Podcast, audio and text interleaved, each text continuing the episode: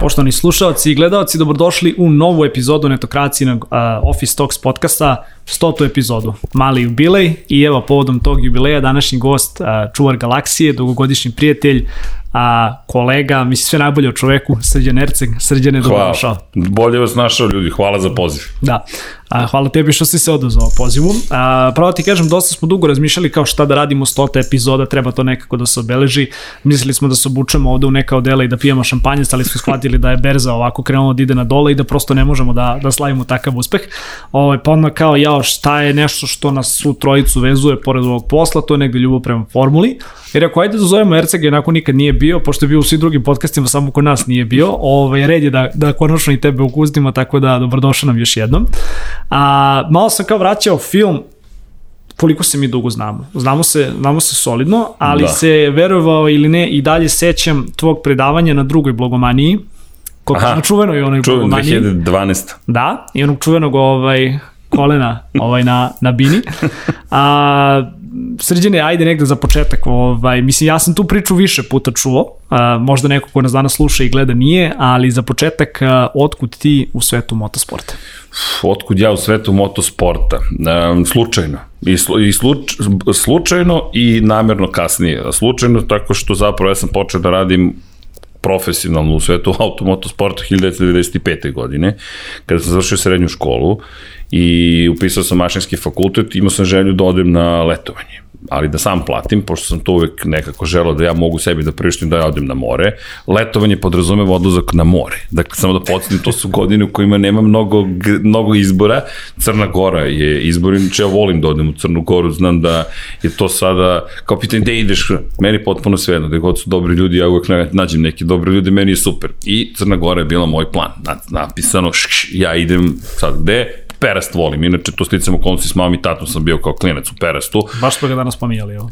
Perast koji meni ne znam, nekako je, u, u, to su verovatno happy place, jedno od mojih onih čuvenih mesta koje volim da posetim. Inače mi smo godinama letovali bol na Braču, to je nekako, pošto sam ja u Zemunu odrastao, pa smo imali letovalište kao Čekaj, škola. Čekaj, si odrastao u Zemunu? Da, ozbiljno sam odrastao u Zemunu. Lazar Savat. I još jedan zemunac tu. Čekaj, čekaj, čekaj, ti si išao u Lazar Savat. Da, išao sam u Lazar Savat. Da mi zezaš, da. ja sam isto išao u Lazar Savat. A, čekaj. A šta, to je šta je najzanimljivije, završio si Politehničko, tako? Jesam. A ja sam da, išao u srednju. to je to. Pa ja sam iz Loznice, tako da nemam šta da. E, tamo sam igrao, tamo sam igrao prvenstvo u rukometu. E, e da, veza postoji svakako.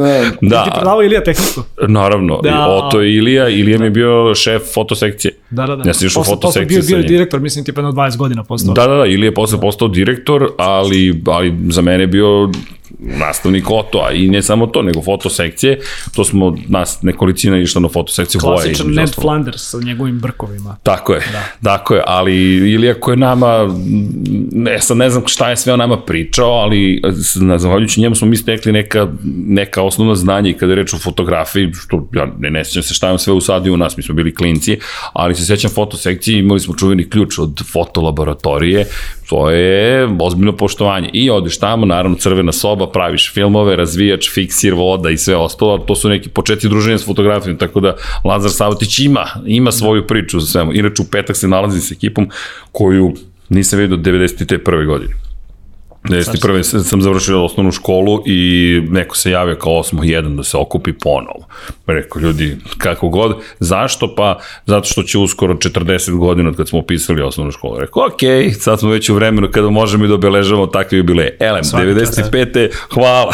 95. ja završio srednju i kažem, ajmo na more, ajmo, gde ću da se zaposlim? Pitam mamu i tatu, mogu ja kao kurir da radim u sportskom žurnalu, pošto je tata radio u sportskom žurnalu, mama je radila u politici, ali je honorarno radila isto u žurnalu žurnalu, ali to potiče još iz sporta, pošto je tata bio u JSL, Jugoslovenski sportski list sport, i ja sam zapamtio, tamo postoje kuriri, meni to je bilo mega zabavno, trče s jednog sprata na drugi, kako ok, kurir. I ja kažem, mogu da radim kao kurir 2-3 meseca i onda da odem na more i u 1. oktobra idem na fakultet i Čale je bio protiv, ali nije toliko bio protiv da budem kurir koliko da uđem generalno u, u novine. Uh mhm. -huh. Jer šta se desilo? Nemanja Simeunović je danas direktor sport kluba, njegov otac. Dakle, gospodin Simke, jel te, Simeunović stariji je čovek koji je mene primjer razgovor za posao, ajde da vidimo. I sedim i kaže, znaš šta, mali, ti si sin novinar, ajde da vidimo da li je nešto se, jel te, prenelo i na tebe. I bukvalno sam tako dobio posao. Bukvalno. Bacio ti, bacio ti žišku. Da, jeste, da. apsolutno, a ja klinac od 18 i po godina. Što nisam da punim 19 godina, u oktobru punim 19, ja sedim, to je neki jun 95. jul, ne, ja mislim da je jun bio, pošto sam već bio upisao mašinac i sedimo i on kaže koje sportove prati, šta bi voleo. Sad rukomet, moj tata pisao rukomet, igrao sam rukomet, jel te? I kažem, ajmo rukomet, drugi, prvi sport, drugi sport košarka, pošto je Burazir obožavao košarku i onda to bilo zračenje, dve godine stariji od mene. Ali tad, je, tad su bili ta dva jaka sporta, u, ta bivša jugi, i jeste, košarka jeste, jeste, i rukomet. Razvijeno dosta, da. Jeste. Pa, znaš, to Imali smo evropski šampioni oba sporta. Da. Još se pamti, znaš, metaloplastika, da, da. pamte se uspesi 1986. reprezentacija Jugoslavije osvojila zlatnu medalju na svetskom prvenstvu u Švajcarskoj protiv Mađarske, znaš, te sve neko imalo pozitivan uticaj, a ja sam kod Savi Grlje trenirao u Zemunskoj mladosti. I to je čuveno, ideš u sud da, da treniraš rukomet. Sad ne znam da li tvoja generacija zakačila sud ili ne, dok dalje postoje. A, nije ali uh, kakva mladost? Kakva mladost? Da. To je to, ba da. Moraš u mladost. U Lazaru su trenirali. To je to, da. to je to. Juventud. Vidite, pa da, Juventus, ja sam sve, imamo Juventus iz Zemuna. O, ali, je, ali poenta jeste, inače, ko odrasta u Zemunu, istina je da, da smo mi posmatrali centar Beograda kao Beograd. Da ideš, ideš e, u pa Beograd. Vidi, pošto evo, baš kao vraćam se sad ovaj, s na Zemun, znači bi bila je mala izda, pa se ponovo vraćam u ovaj stari kraj. Ovaj, baš kao komentarišem, znaš ono kao, a, dobro, ja, ja sam dosta mlađi od tebe u vreme kad si završio osnovnu, ja sam se rodio. Ali, ovaj, a, šta je fora, znaš, kao, sećam se kao, okej, okay, ne, nekada si na, na trgu čekao 15 kad ti dođe 700 sedmica ili 700 ovaj šestica, ne, Šest, četvorka 704, 706. Da, ne, ne, 706 staje, 706 staje, staje stanicu dalje, ali tipa ti si uvek uh, na, na, na trgu si ti pohvatao da li 704 ili 707. Dva su busa bila i to ti je kao ekspres linija do grada. A znaš se setim, čoče, koliko je ta dolazak u grad kao predstavljao neki ono događaj, znaš kao, yes. idemo u centar, znaš kao, mislim, Zemulj uvek negde bio lociran i centriran oko glavne ulice, da, pa, ti je bio da, centar grada. Vidi, zna se, robna kuća tamo je jedan od uh, momenta, mi smo kružili oko, oko Lazara. Naime, Lazar bila baza u suštini. Da. I mi smo se tu oko Lazara okupljali i svi smo bili na bajsevima. Ideš biciklom, Just, bicikl, zna se, ideš tamo do, do Brankovog mosta, do Gazele, ne znam ja gde ideš i ko je dovoljno hrabar da pređe na Dorčil, jer tamo te čekaju Dorčalci. Jer to, ljudi, to, to, to sam baš Samo si morao pre toga da izbegneš ovu ekipu iz bloka 11C. Dobro, ima, ali sa njima uglavnom nismo imali toliko problema koliko na... To mi kasnije na, na Dor, ne, vidi, na, do, mi na Dorčar kad se dođe, pojavi se neka nova ekipa, ali to je, to sam, to sam ne znam s kim sam pričao, to baš, baš sam bio u nekoj emisiji i kažem, vidi, samo roditelji, ljudi koji žele da zaborave svoje detinstvo, misle da su, da su klinci bezbedni non stop. Nema šanse da ste bezbedni. To su batine, to da, da ćeš ti da pobediš ili izgubiš i da ćeš da vratiš bicikl kući. Nije to bilo sad nešto mega opasno, ali se znalo, kad pređeš most, ej, ok, ušao si sad u neku drugu zonu, pa ti vidiš šta ćeš, ali To je deo, to je deo života. Ja, i čuvena robna kuća i pirati koji su onog 90-ih, početkom 2000-ih tamo valjali diskove. Jeste. Zemun imao to, Beograd imao SKC, znaš, Beograd, znaš, da. kao odvajanje, Zemun, Beograd. Ali stvarno to je u našim glavama bilo, tamo negde u daljini vidiš Kale Megdan i kažeš, da, drugi grad, da. idi drugi grad, da, da. do Beograda. Da. Ali da, to, to su ele, neke uspomene. Ali apropo cele priče, uh mhm. -huh. dakle, rukomet, košarka, moj brat je inače upisivao sve rezultate svih NBA utakmica i ubacivao statistiku svih igrača i kupovao je žurnal samo zbog toga, jer je postojala statistika. Dakle, on čovjek kupovao, iako Ćale donese, ne, ne, ne, ja moram ranije da dobijem nego da tebe čekam dok ti da i čeka daj. I on je unosio, on je u Borlandu, u Delphi, četvorku, posle to prebacio, pisao program, bazu podataka da on analizira šta se dešava, tako da je košarka bila non stop tu. I treća stvar, Formula 1 I to sam mi rekao, Formula 1, to je zapravo nešto što je samo, ne mogu da kažem moje, to je Burazerovo i moje. Jer nas dvojice smo, nas dvojice inače smo ljubav uh, spoznali sa 30 i kusur godina, da tad to je bila ljubav, ali kontakt je bio, dve stvari su nas vezivale. Formula 1, to je bilo zakon, mm -hmm. to je bilo jednostavno nešto što se nikada ne propušta i igranje igrica.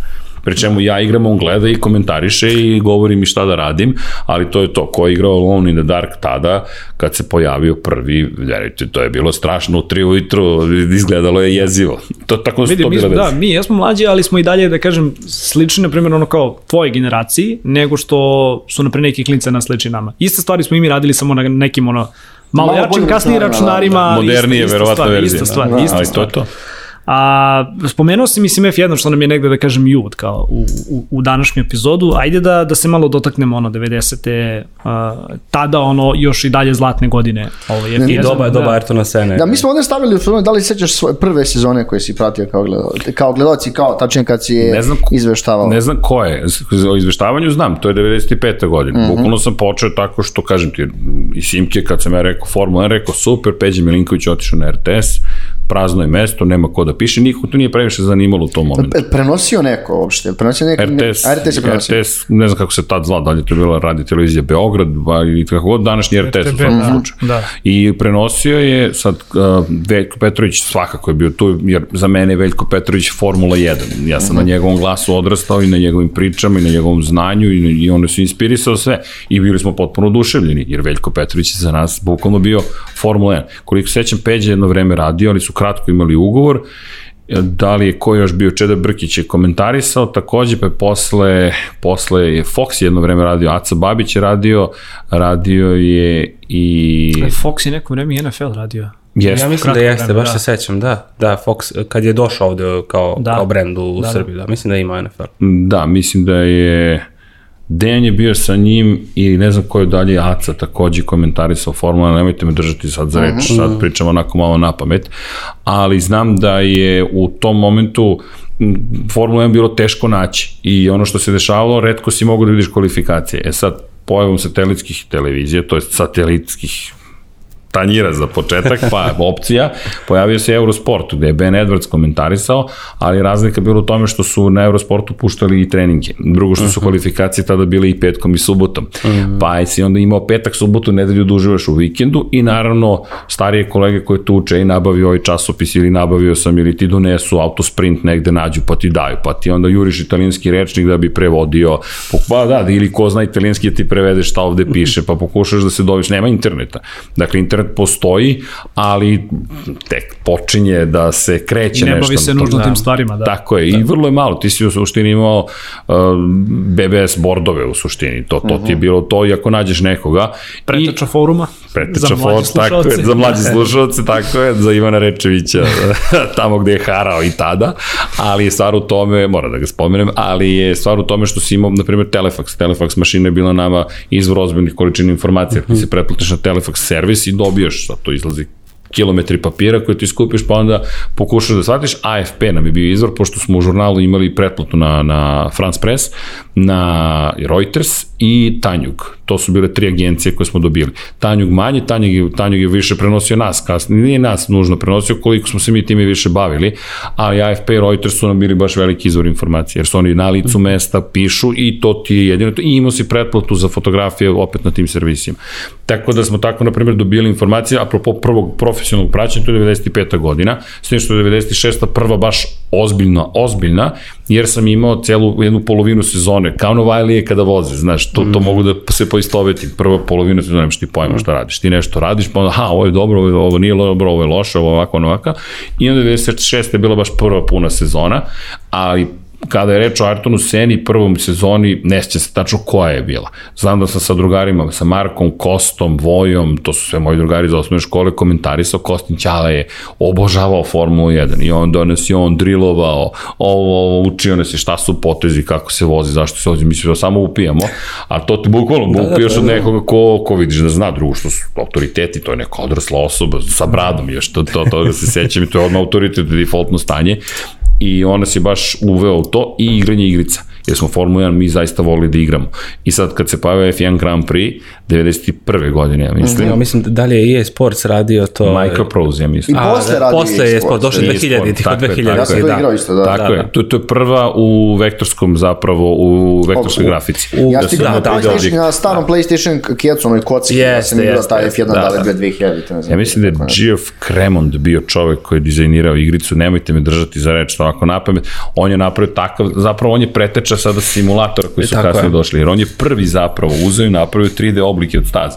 Ranije to bilo na nivou, ne znam svi sećate toga, da, Turbo, Turbo Outrun. Je sećate Turbo Outrun možda? Ja ne. Ne, ali u principu imam vizualno ovaj, pamćenje kako su igrice izgledale A tipa tada. pa nešto 16-bitne, one onako. Chase HQ, to vam je bila čuvena igrica, da, da ti zapravo ovo što je Marko opisao, imaš da, da, da, da, da, piksele koji se pomeraju i kao simuliraš vožnju. Tako, da. tako simuliraš tako. neke krivine i tako to, dalje, ali u suštini ti se mrdaš levo desno po ekranu, pa to kao simulira neko skretanje. Da. E, Chase HQ čuvena igrica gde ti voziš istovremeno pucaš i onda je to bilo ludilo jer si morao da voziš i istovremeno da, upravljaš nišanom. Znaš, to je ono, razdvoji glavu, to bubnjari znaju čemu pričam, razdvoji ruke, baš je bilo teško i onda ti se pojavi nešto što je 3D simulator. Možeš da okreneš bolid u suprotnom smeru, možeš da uđeš u pit lane, možeš da izađeš.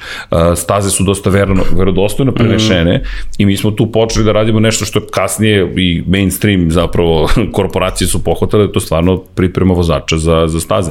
Jer, na primjer, meni je to bilo fascinantno, nisam ni znao koliko sam drilovan zapravo igranjem igrica. Kad sam došao na stazu... Znaš otprilike. Tako, Znaš ne, otprilike. Koja je krivina šikana i sve. Da. Prepoznaješ ih po reklamama, po kućicama, da, da, da. imolo, znaš kako izgleda i u, uš, uđeš u neki novi svet potpuno. Upravo. I to ti je taj početak. I to jeste Ayrton Sena. Naša najveća svađa je bila Sena ili prosto. Mm. Najveće svađa i sad pot, imaš kamp koji je vrlo jasno podeljen. Prosto, all pro, uh, Sena pro, prost kontra, Sena kontra. Ko je u pravu, ko nije u pravu.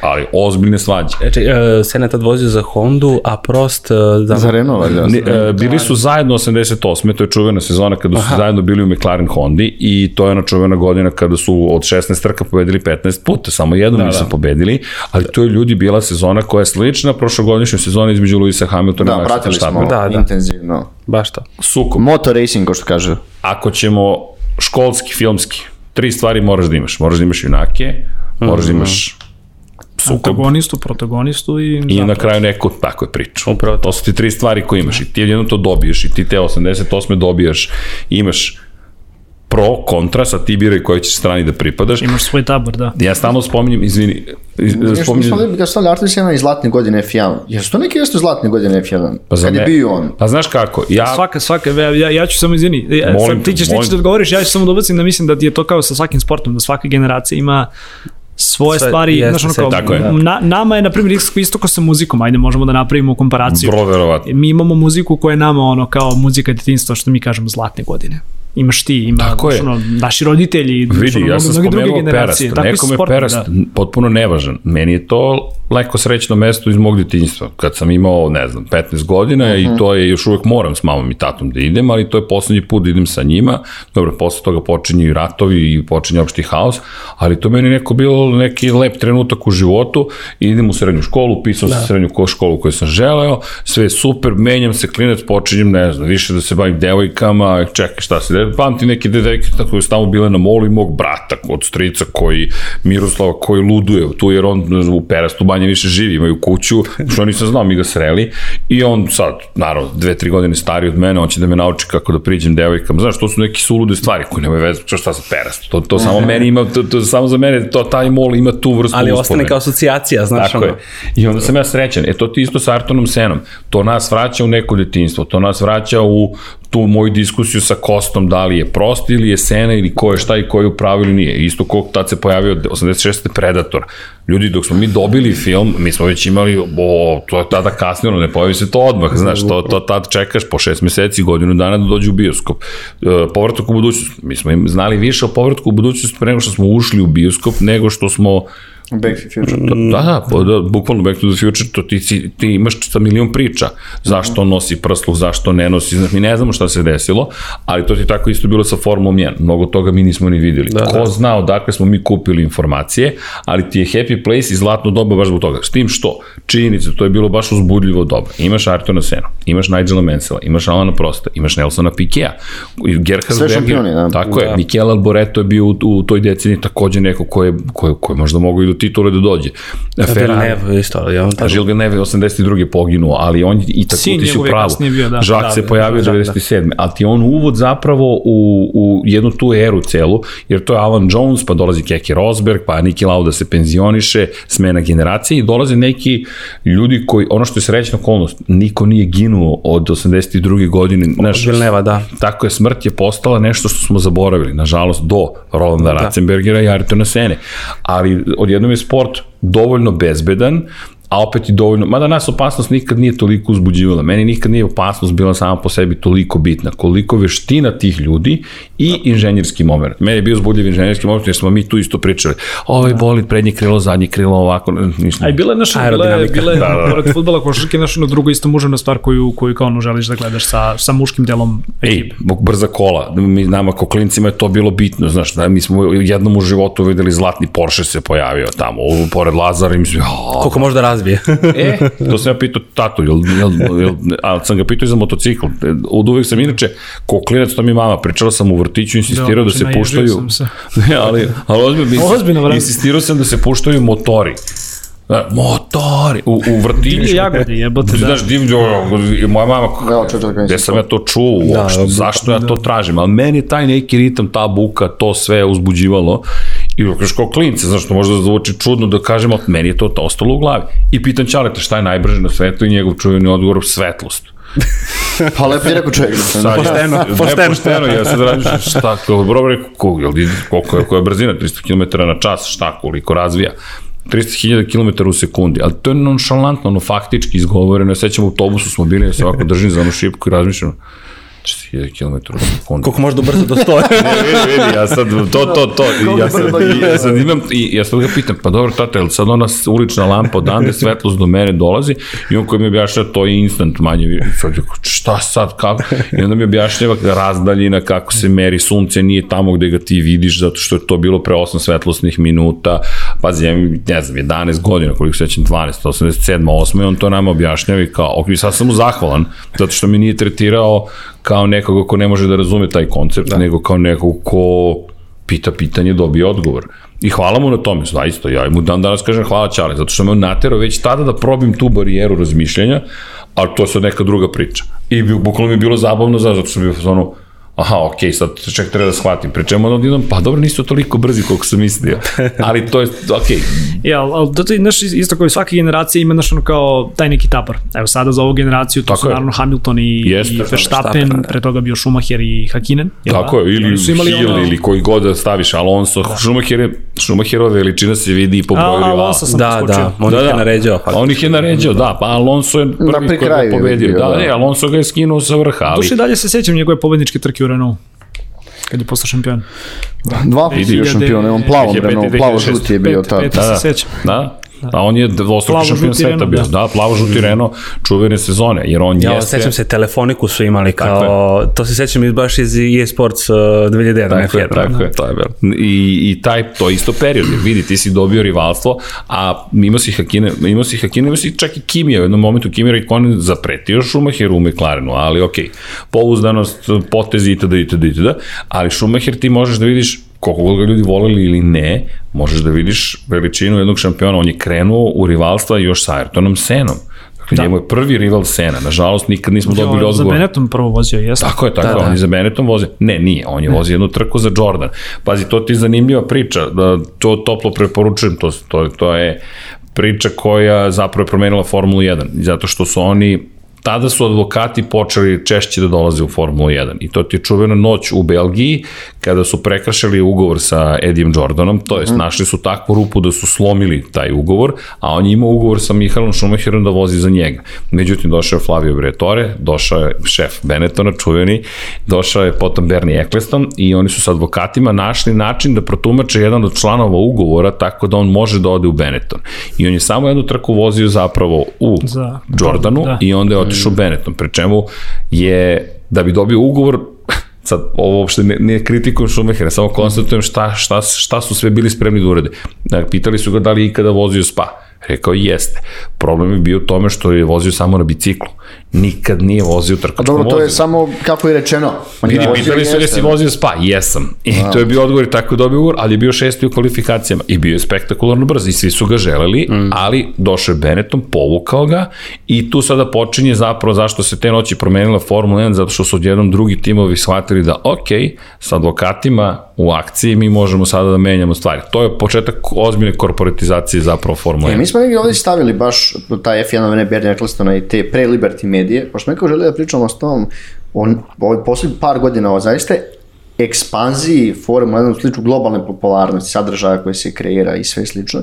Taj negde period, ajde kažem, od početka 2000 do 2015-16 kad ih Liberty Media preuzeo, kako bi ti opisao? Jer zapravo pre negde nagog rasta ne, F1 u proteklih da je možda godina, čak da. u nekim godinama i bio neki blagi pad popularnosti, ili baš zbog tim, zbog menjanja raznih pravila, sličnih stvari, možda zbog konstantne dominacije Schumachera u prvoj polovini te, te decenije. Pa ima par stvari, mogu da izvedim računar.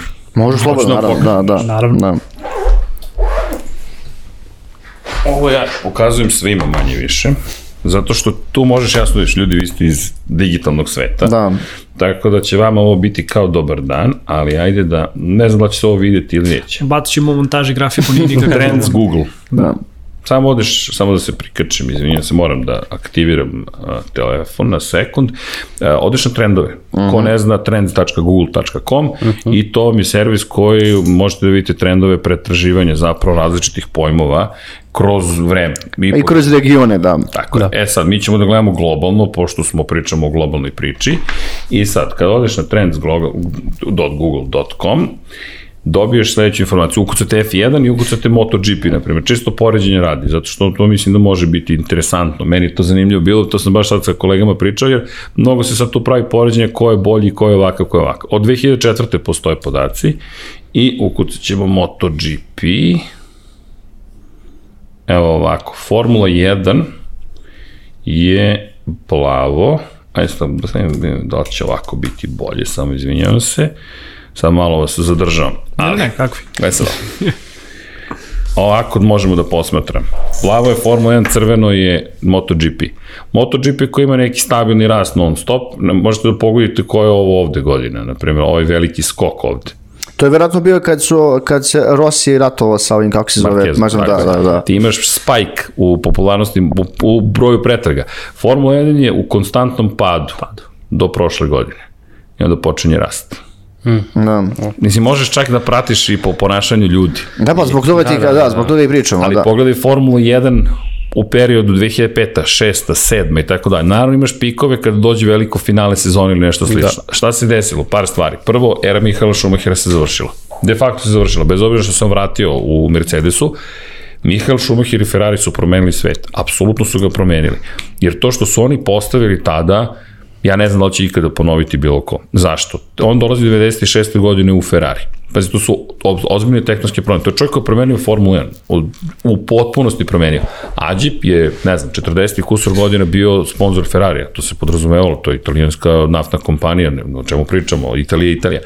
On je koštao, koliko se ja sećam, 47 miliona maraka za dve godine. I Ađip je rekao, nijedan vozač ne vredi ovoliko para. Kakva greška.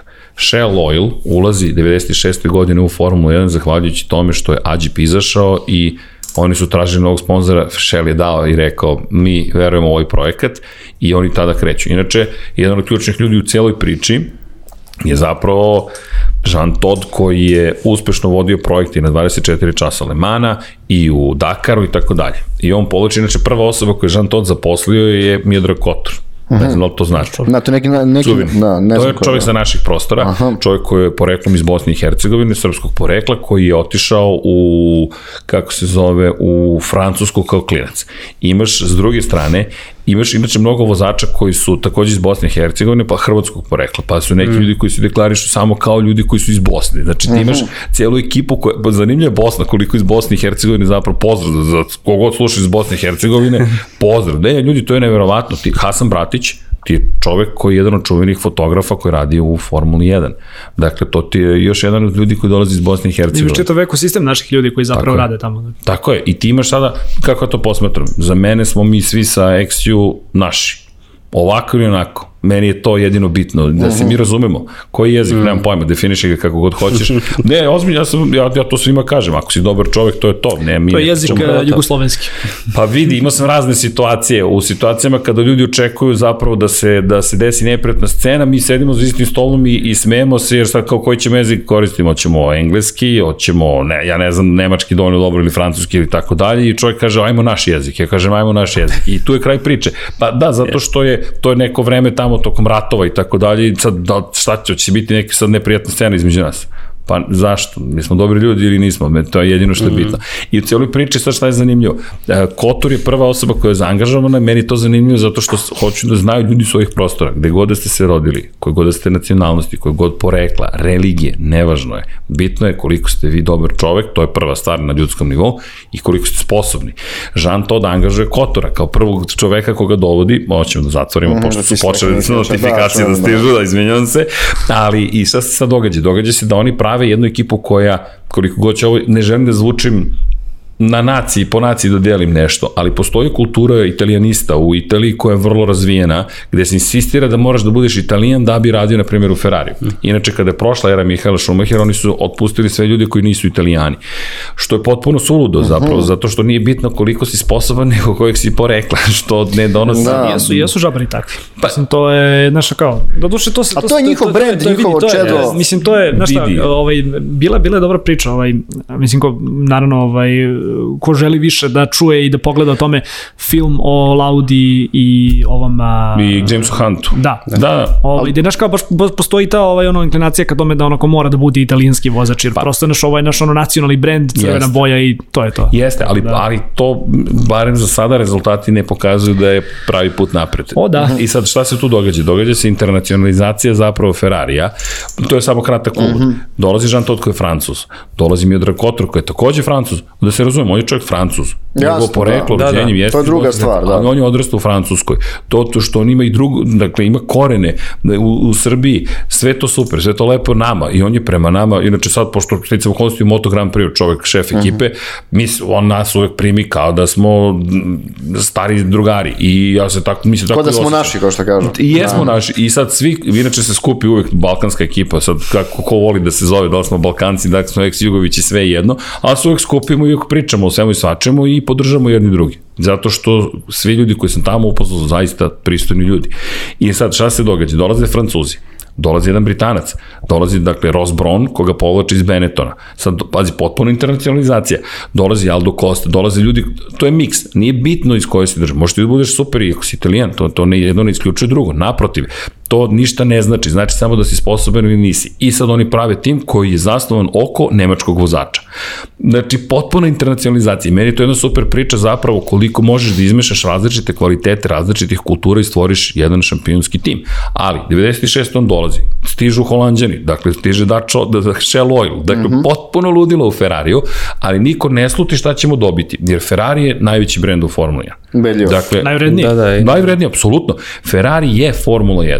Dakle, tu postoji znak jednakosti. F1 jednako Ferrari Kao, obrnuto. Piti dete da ti nacrta formulu, nacrta će ti crveni, crvena, crvena boja. Da. Velike šanse. Mada. Mada. Mada. Nova generacija. Ukoliko navijača Red Bulla, ja Evo, ja ti iskreno kažem, ja sam imao subjektivan, uvek svi smo subjektivni, da. ali nedovoljno informisan pristup celoj priči. Zašto? Zato što ja tek sada vidim koliko mlađih ljudi prati i pitam ih za koga navijaš. Red Bull. Red Bull. Izla sam ja ne za McLaren i dalje. Red Bull. ne, vidi, kogod da je pravio, pričat ćemo o Liberty Mediji, ili je imao sreće, ili je mnogo dobro znao, ili kombinacija te dve stvari. Ja verujem u kombinaciju. No. Zašto? Red Bull ti je novi igrač. Vratit ću se na Ferrari. On je potpuno novi igrač. Pazi, to je kompanija koja proizvodi Energetsko piće, piće, da. da. Dakle, Jeste, da. Vidi, to je energetsko piće. Oni su ljudi koji su uzišli iz sveta nekog drugog, koji su postali legitimni proizvođači bolida Formula 1. Ne, ono, ono što hoćeš zapravo da kažeš je tako, ako uzmeš kao kompletan lifespan ovaj, Formula 1, Red Bull je beba. Beba. Beba. Beba, ali kakva beba? Pazi, sad ovo već... Agresivna beba. beba sa mnogo, sa, sa mnogo ogromnim budžetom. Da. Ali ima nešto drugo. Marko je opisao najvažniji atribut, agresivan. Red Bull po defaultu, ako gledamo marketinški, ako gledamo pristupe, je agresivan Dakle, agresivan je pristup, vožnja agresivna, strategije agresivne, pristup angažovanju ljudi agresivan. Vozač agresivan. Horner agresivan. agresivan, da. vidi, njima je agresija jedan od potpisa. Oni tako pristupaju. To, je, da. to nekome prije, nekome ne prije. To niti je dobro, niti je loše. To je samo tako. To je faktički opis. Kako kad bih ja rekao, evo ja imam sticam okolnosti naranđastu majicu. Dakle, naranđasta majica je tu. Inače, u, u papaja naranđastu se vratio zapravo McLaren, zato što je to njihova boja, jer je zapravo to novozelandski tim, to je novozelandski britanski tim, ali novozelandjanin čovjek koji stoji iza cele priče. I sad, Isto se jedan film, ko hoće može da pogleda. Ko hoće, da. topla preporuka. Ima tu mnogo lepih stvari. I sad, šta se desilo sa Schumacherom? To su prekretnice ulazak u neko modernije doba. Uh. -huh. da, na našim prostorima 90. su pakao. Zaista yes, da. Teške godine, ratne godine. Sankcija, inflacija, bombardovanje, šta god. Da. Si, doživao si zlo, pa si ga doživao na ovaj ili onaj način. Nikog nije zaobišlo, da. Da, nikog nije zaobišlo. S druge strane, za ostatak sveta, to su mnogo lepe godine to je informatička revolucija, to su neke nove pare, blok je prestao da postoji, jedan od jednom svi smo happy place, nije dugo trajalo. Raste. Raste, da. sve super, internet se Jeste. širi, muzika Inženjerstvo se... na nekom drugom nivou. Tako je, tako je. Da. Odjednom naš Evropska unija postaje stvarnost, granice se ukidaju, eurozona nastaje, neko to voli, neko ne voli, ali to su sve uzbudljivi momenti u ljudskoj istoriji i sve to se poklapa i sa Formulom 1 koja odjednom dobija Ferrari Pazi, Ferrari od Jodija Schechtera 1979. godine nije osvojio titulu. A bili su Nigel Mansell, Alan Prost su dolazili tamo. Dakle, spominjem samo nekolicinu najzvučnijih imena koji su bili svetski šampioni. Gilles Villeneuve, zašto je legenda? Nažalost, poginuo je, pre vremena je otišao, a mogao je da bude šampion. On nikad nije postao šampion, ali obožavali su uh -huh, on je bio to mhm. oličenje brzine, Ferrarija, svega i imaš čuvenu priču, naravno V12 motori, to je čisto krvna Formula 1, mora da se zna kad voziš Ferrari imaš V12. Da, su posle kukali da. za V10. da, ne, da, pa V8, da, sve to V8, V6, ma sve to u redu. V12 je Ferrari, makar bi tako trebalo da bude, i to se sad menja, ne, ne, ne možeš da insistiraš na tehnologiji koja je bila moderna, a ti ćeš ostati 50 godina kasnije na toj tehnologiji i vikati da si modern. Da, sećam se onog perioda, baš kad sam ja počeo pratim F1, tad su bili V10 ove mašine i Čuve, uh, dosipanje, taj zvuk vidi, da, taj, zvuk je, je na, najbolji ikada to zujenje. Da i ovaj, dosipanje goriva u, u boksu. Jer, to jeste je bilo, to gubilo on sekundi, koliko je to imalo tu neku draž, kad da, je došla hibridna era. Ima si gomilu nezgode i zbog toga. Jeste, često se znao se zapali, da, da, da. Znači, sad ono kao određeni puristi, određeni fanovi žele negde, pričat ćemo malo i o tome naravno, ali žele kao da se vrati taj uzbudljiviji moment, dok s druge strane, znaš kao, da. jedan od aspekata koji, ovaj, dobro, ti u svom poslu verovatno češće ističeš nego mi ovde u nekoj diskusiji, ali kao, niko ne spominje koliko su, koliko je nova ova hibridna era, zapravo veoma efikasna.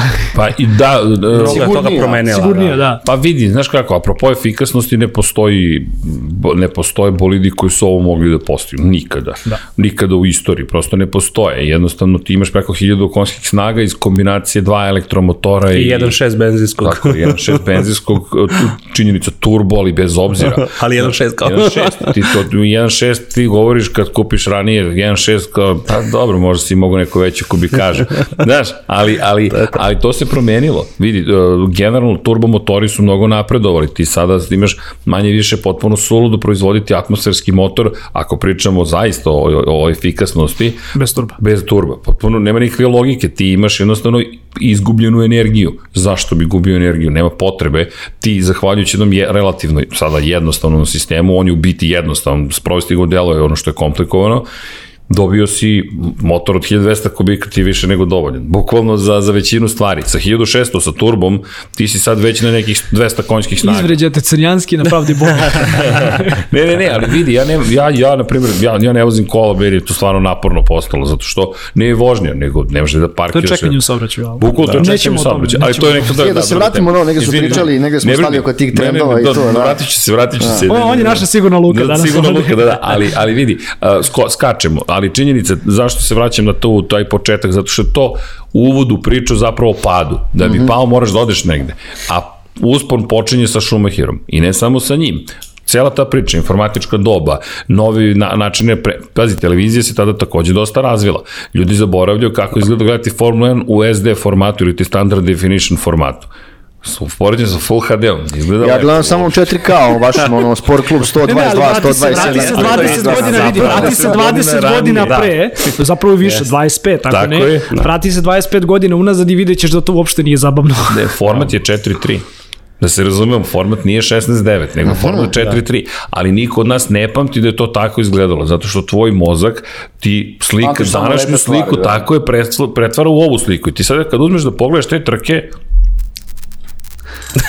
A to ti je koji sa starim filmovima. Tako Tada je bilo gledljivo, sada je negledljivo. Sad je negledljivo gotovo, ali vidi, to je sve normalno. Samo hoću da kažem da u tom momentu se dešavaju brojne zanimljive stvari. Nismo ni, mi ni blizu Full HD-a. Znaš, mi nismo, katodne cevi su i dalje, katodne cevi, dalje televizor. I dalje se štelovao na, na gore na antenu, na krovu. Ili ga udariš. Da, da, to je čuveni metod bio. I juriš ko ima satelit, zato što na satelitu će biti prenosi i treninga i ostalih stvari i bit će non stop. RTS je malo kupovo, malo nije kupovao, malo je kupovao, malo nije kupovao i tako dalje. E sad, dolaziš do toga da Schumacher zapravo s Ferrarijem pokreće mnogo stvari. Ferrarijevci se odjednom nadaju. Do, dolazi čovek, prvo sumnjaju, a potom se nadaju. Tri pobjede beleži u prvoj sezoni. Pazi, to je ozbiljan uspeh. Sa V10 motorom, koji do tada Ferrari nikad nije napravio. Uh mhm. -huh. A to nije samo odsečeš red cilindara i dobiješ napredak. Ne, ne, ne, ne, ne. Ti moraš da se ozbiljno baviš jednom novom tehnologijom kojom su Francuzi ovladali davno. Renault, Renault V10 motori, to je dan, danas bombona. A Mercedes se tek pojavljuje. Pri čemu? To je isto mnogo važno. Mercedes u Formula 1 mnogo znači. Mercedes se povukao 1955. Uh -huh. posle incidenta u Le Manu, stravičan incident i oni nisu bili ljudi 40 godina. Dakle, 40 godina nisu Ljudi, ja, nisu bili deo sporta, da. da ja imam 46 godina. Dakle, zamisli 82. neko izašao i sada se vraća. Znaš, to je ozbiljan period vremenski, a to je bio period koji su oni morali da prevaziđu. Pri čemu oni stidljivo ulaze, opet imaš vezu sa Schumacherom. Uh mhm. -huh. Imaš vezu i sa zapravo sa uslovno čeno politikom. Zašto? Zato što taj razvoj globalni dovodi do toga da Mercedes pad, gvozdene zavese i tako dalje, otvara neke nove vidike, nove horizonte. I Mercedes sa Zauberom zapravo pokreće sportski program, gde je kre, stvorio zapravo prve, da kažeš, prvu snagu stekao, to je u sportskom programu. On je vozio za Mercedes, zajedno sa Heinzom Haraldom Frencenom uh mhm. -huh. i Karlom Wendigerom. Karl Wendinger je takođe tu igrao važnu ulogu. I njih trojica su ta nova generacija. Nemci nikad nisu imali svetskog šampiona. Dakle, kada govorimo o... o tako je, mi, mi, mi pričamo o Schumacheru kao nečem novom za Nemačku. Da. Ima Nemačka, pritom ozbiljnu autoindustriju, ali nema šampiona. Hmm. I sad sve to ti je ogromno interesovanje u jednoj industrijski razvijenoj zemlji, centralnoj zemlji zajedno sa Francuskom Evropske unije. Da, Aude je Austrijanac. Aude je Austrijanac. Da. Rind ti je Austrijanac. da, da, da, se vraćam, vraćam film. Sa Austrijanci. Da. Pazi, to je zanimljivo. Austrijanci su uspešniji od Nemaca. Kada je motosport u pitanju, da. Do Schumachera, onda se stvari menjaju. I sad Mercedes koji se vraća kroz Zauber, prvi put se Mercedes kao značka pojavljuje u Zauberu, to su sve neki znaci. Onda McLaren Peugeot, ne znam, se sećate te saradnje. McLaren je sarađivao s Peugeot. Ja se Peugeot ne sećam baš. Da, da, to, to, to. Oni su, se najviše sećam. Kad to bilo? Koje godine to bilo? 95. godina. Aha, aha, da. okej. Okay. E, ili 94. Da, da. Ne mogu se da se da, sećam. Da, 91. tako da ne... To, ne, ne, okej, okay, da, ali da, da znate, McLaren Peugeot je takođe bio jednu godinu. -hmm. Aktualno, jer je Peugeot isto hteo da uđe u formulu. Vazi, svi hoće formulu. Ja, Faktički Peugeot je distribuirao motore. Ne, ne, ne, oni pravili motore. A baš su pravili. Baš su pravili, ljudi, oni su pravili motore za Formulu 1. I onda je došao McLaren Mercedes. Sad pazi, posle McLaren Honda svi se pitamo šta će da zameni kombinaciju McLaren Honda, apropo zlatnih godina, Ayrton Senna i tako dalje, dolazi McLaren Mercedes i neki klinci Mika Hakkinen potpisuju i David Coulthard prelazi 96. godine da. iz Williams Renault koji angažuje Žaka Villeneuve, zadržava Damona Hilla, koji isto tako odjednom postao heroj Britanije, nije, nije ni treba, to nije bio plan. A on je bio šampion, je li tako? Jeste, 96. Da. Ali pazi, on ti je sin Grema Hilla, jednog od mm. najvećih vozača svih vremena. To je poslednji čovek koji je osvojio trostruku, jedini trostruku krunu. Aha. 500 milija Indianapolisa, 24 časa Lemana i velika nagrada Monaka. Ozbiljna stvar. Ozbiljna stvar. I, I to je to je legendarni vozač. I njegov sin sada dolazi, koji je u poznim godinama za jednog vozača stigao i on zapravo je probni vozač koji potom dobio ulogu drugog vozača u Williamsu. Inače, Ricardo Patrese vozio sa Nigelom Menselom 91. godine, 92. godine, 93. Hill dobio taj ugovor, prosto se vraća posle pauze jedne godine i vozi. I Hill koji dobija priliku u Williams Renault kao drugi vozač. Beleži nekoliko pobjeda, pazi, pobeđa na prosto i sad u Britaniji, ej, neki se novi pojavio, Nigel Mansell koji je posle šampionske sezone otišao u IndyCar, osvojio titulu tamo, znači to su sve ljudi, apropo zlatnih godina, ne znam više koje su zlatne godine, ali to su sve uzbudljivi momenti koji se naslanjaju na nešto što da. su stvorili prosti sena To su oni stvorili. Pazi gde sad idemo. Mi, a idemo sve to uvod ka Šumahiru. Sve, sve spojeno. Sad, da li je to zlatno doba? Ako pitaš Šumacherove navijače, nije. Zlatno mm -hmm. doba je početak 2000 tih godina. Da. E, znaš kako, Marko je odgovorio, svako doba je zlatno doba. Samo je pitanje za koga. Ako pitaš današnji klinca, njima je ovo zlatno doba. Znaš, Tako ovo rivalstvo koje imamo između ovaj, uh, Verstappena i Hamiltona. To je zlatno doba. Ljudi, njima Sena nije Sena. Da, oni... Oni poštuju nas, našu generaciju iz te perspektive, ok, Sena, ali za njih je Sena neki Znaš šta, a, ali, čovjek iz priče. Ali, ali, ali, bih vidi, ali bih možda kontrirao tu uh, sa izjavom da Sena nije bio Sena dok uh, nije malo krenula zahvaljujući internetu da je splivava istorija. Dok nisi na YouTube-u kao gledao neke njegove ono legendarne filmovi, trke, takođe filmovi, dokumentarni, znaš, da. ali to, vidi, to je mene, to, to je mene vratilo u, u, u, da, da saznam više o istoriji, vidi, na primjer. Sena je Sena je poseban ima dve stvari koje, tri stvari koje Senu čine posebnim. Prva stvar, on ti je de facto tu Šumahir je tu vrlo blizu, ali ću staviti Senu ispred samo iz jednog razloga.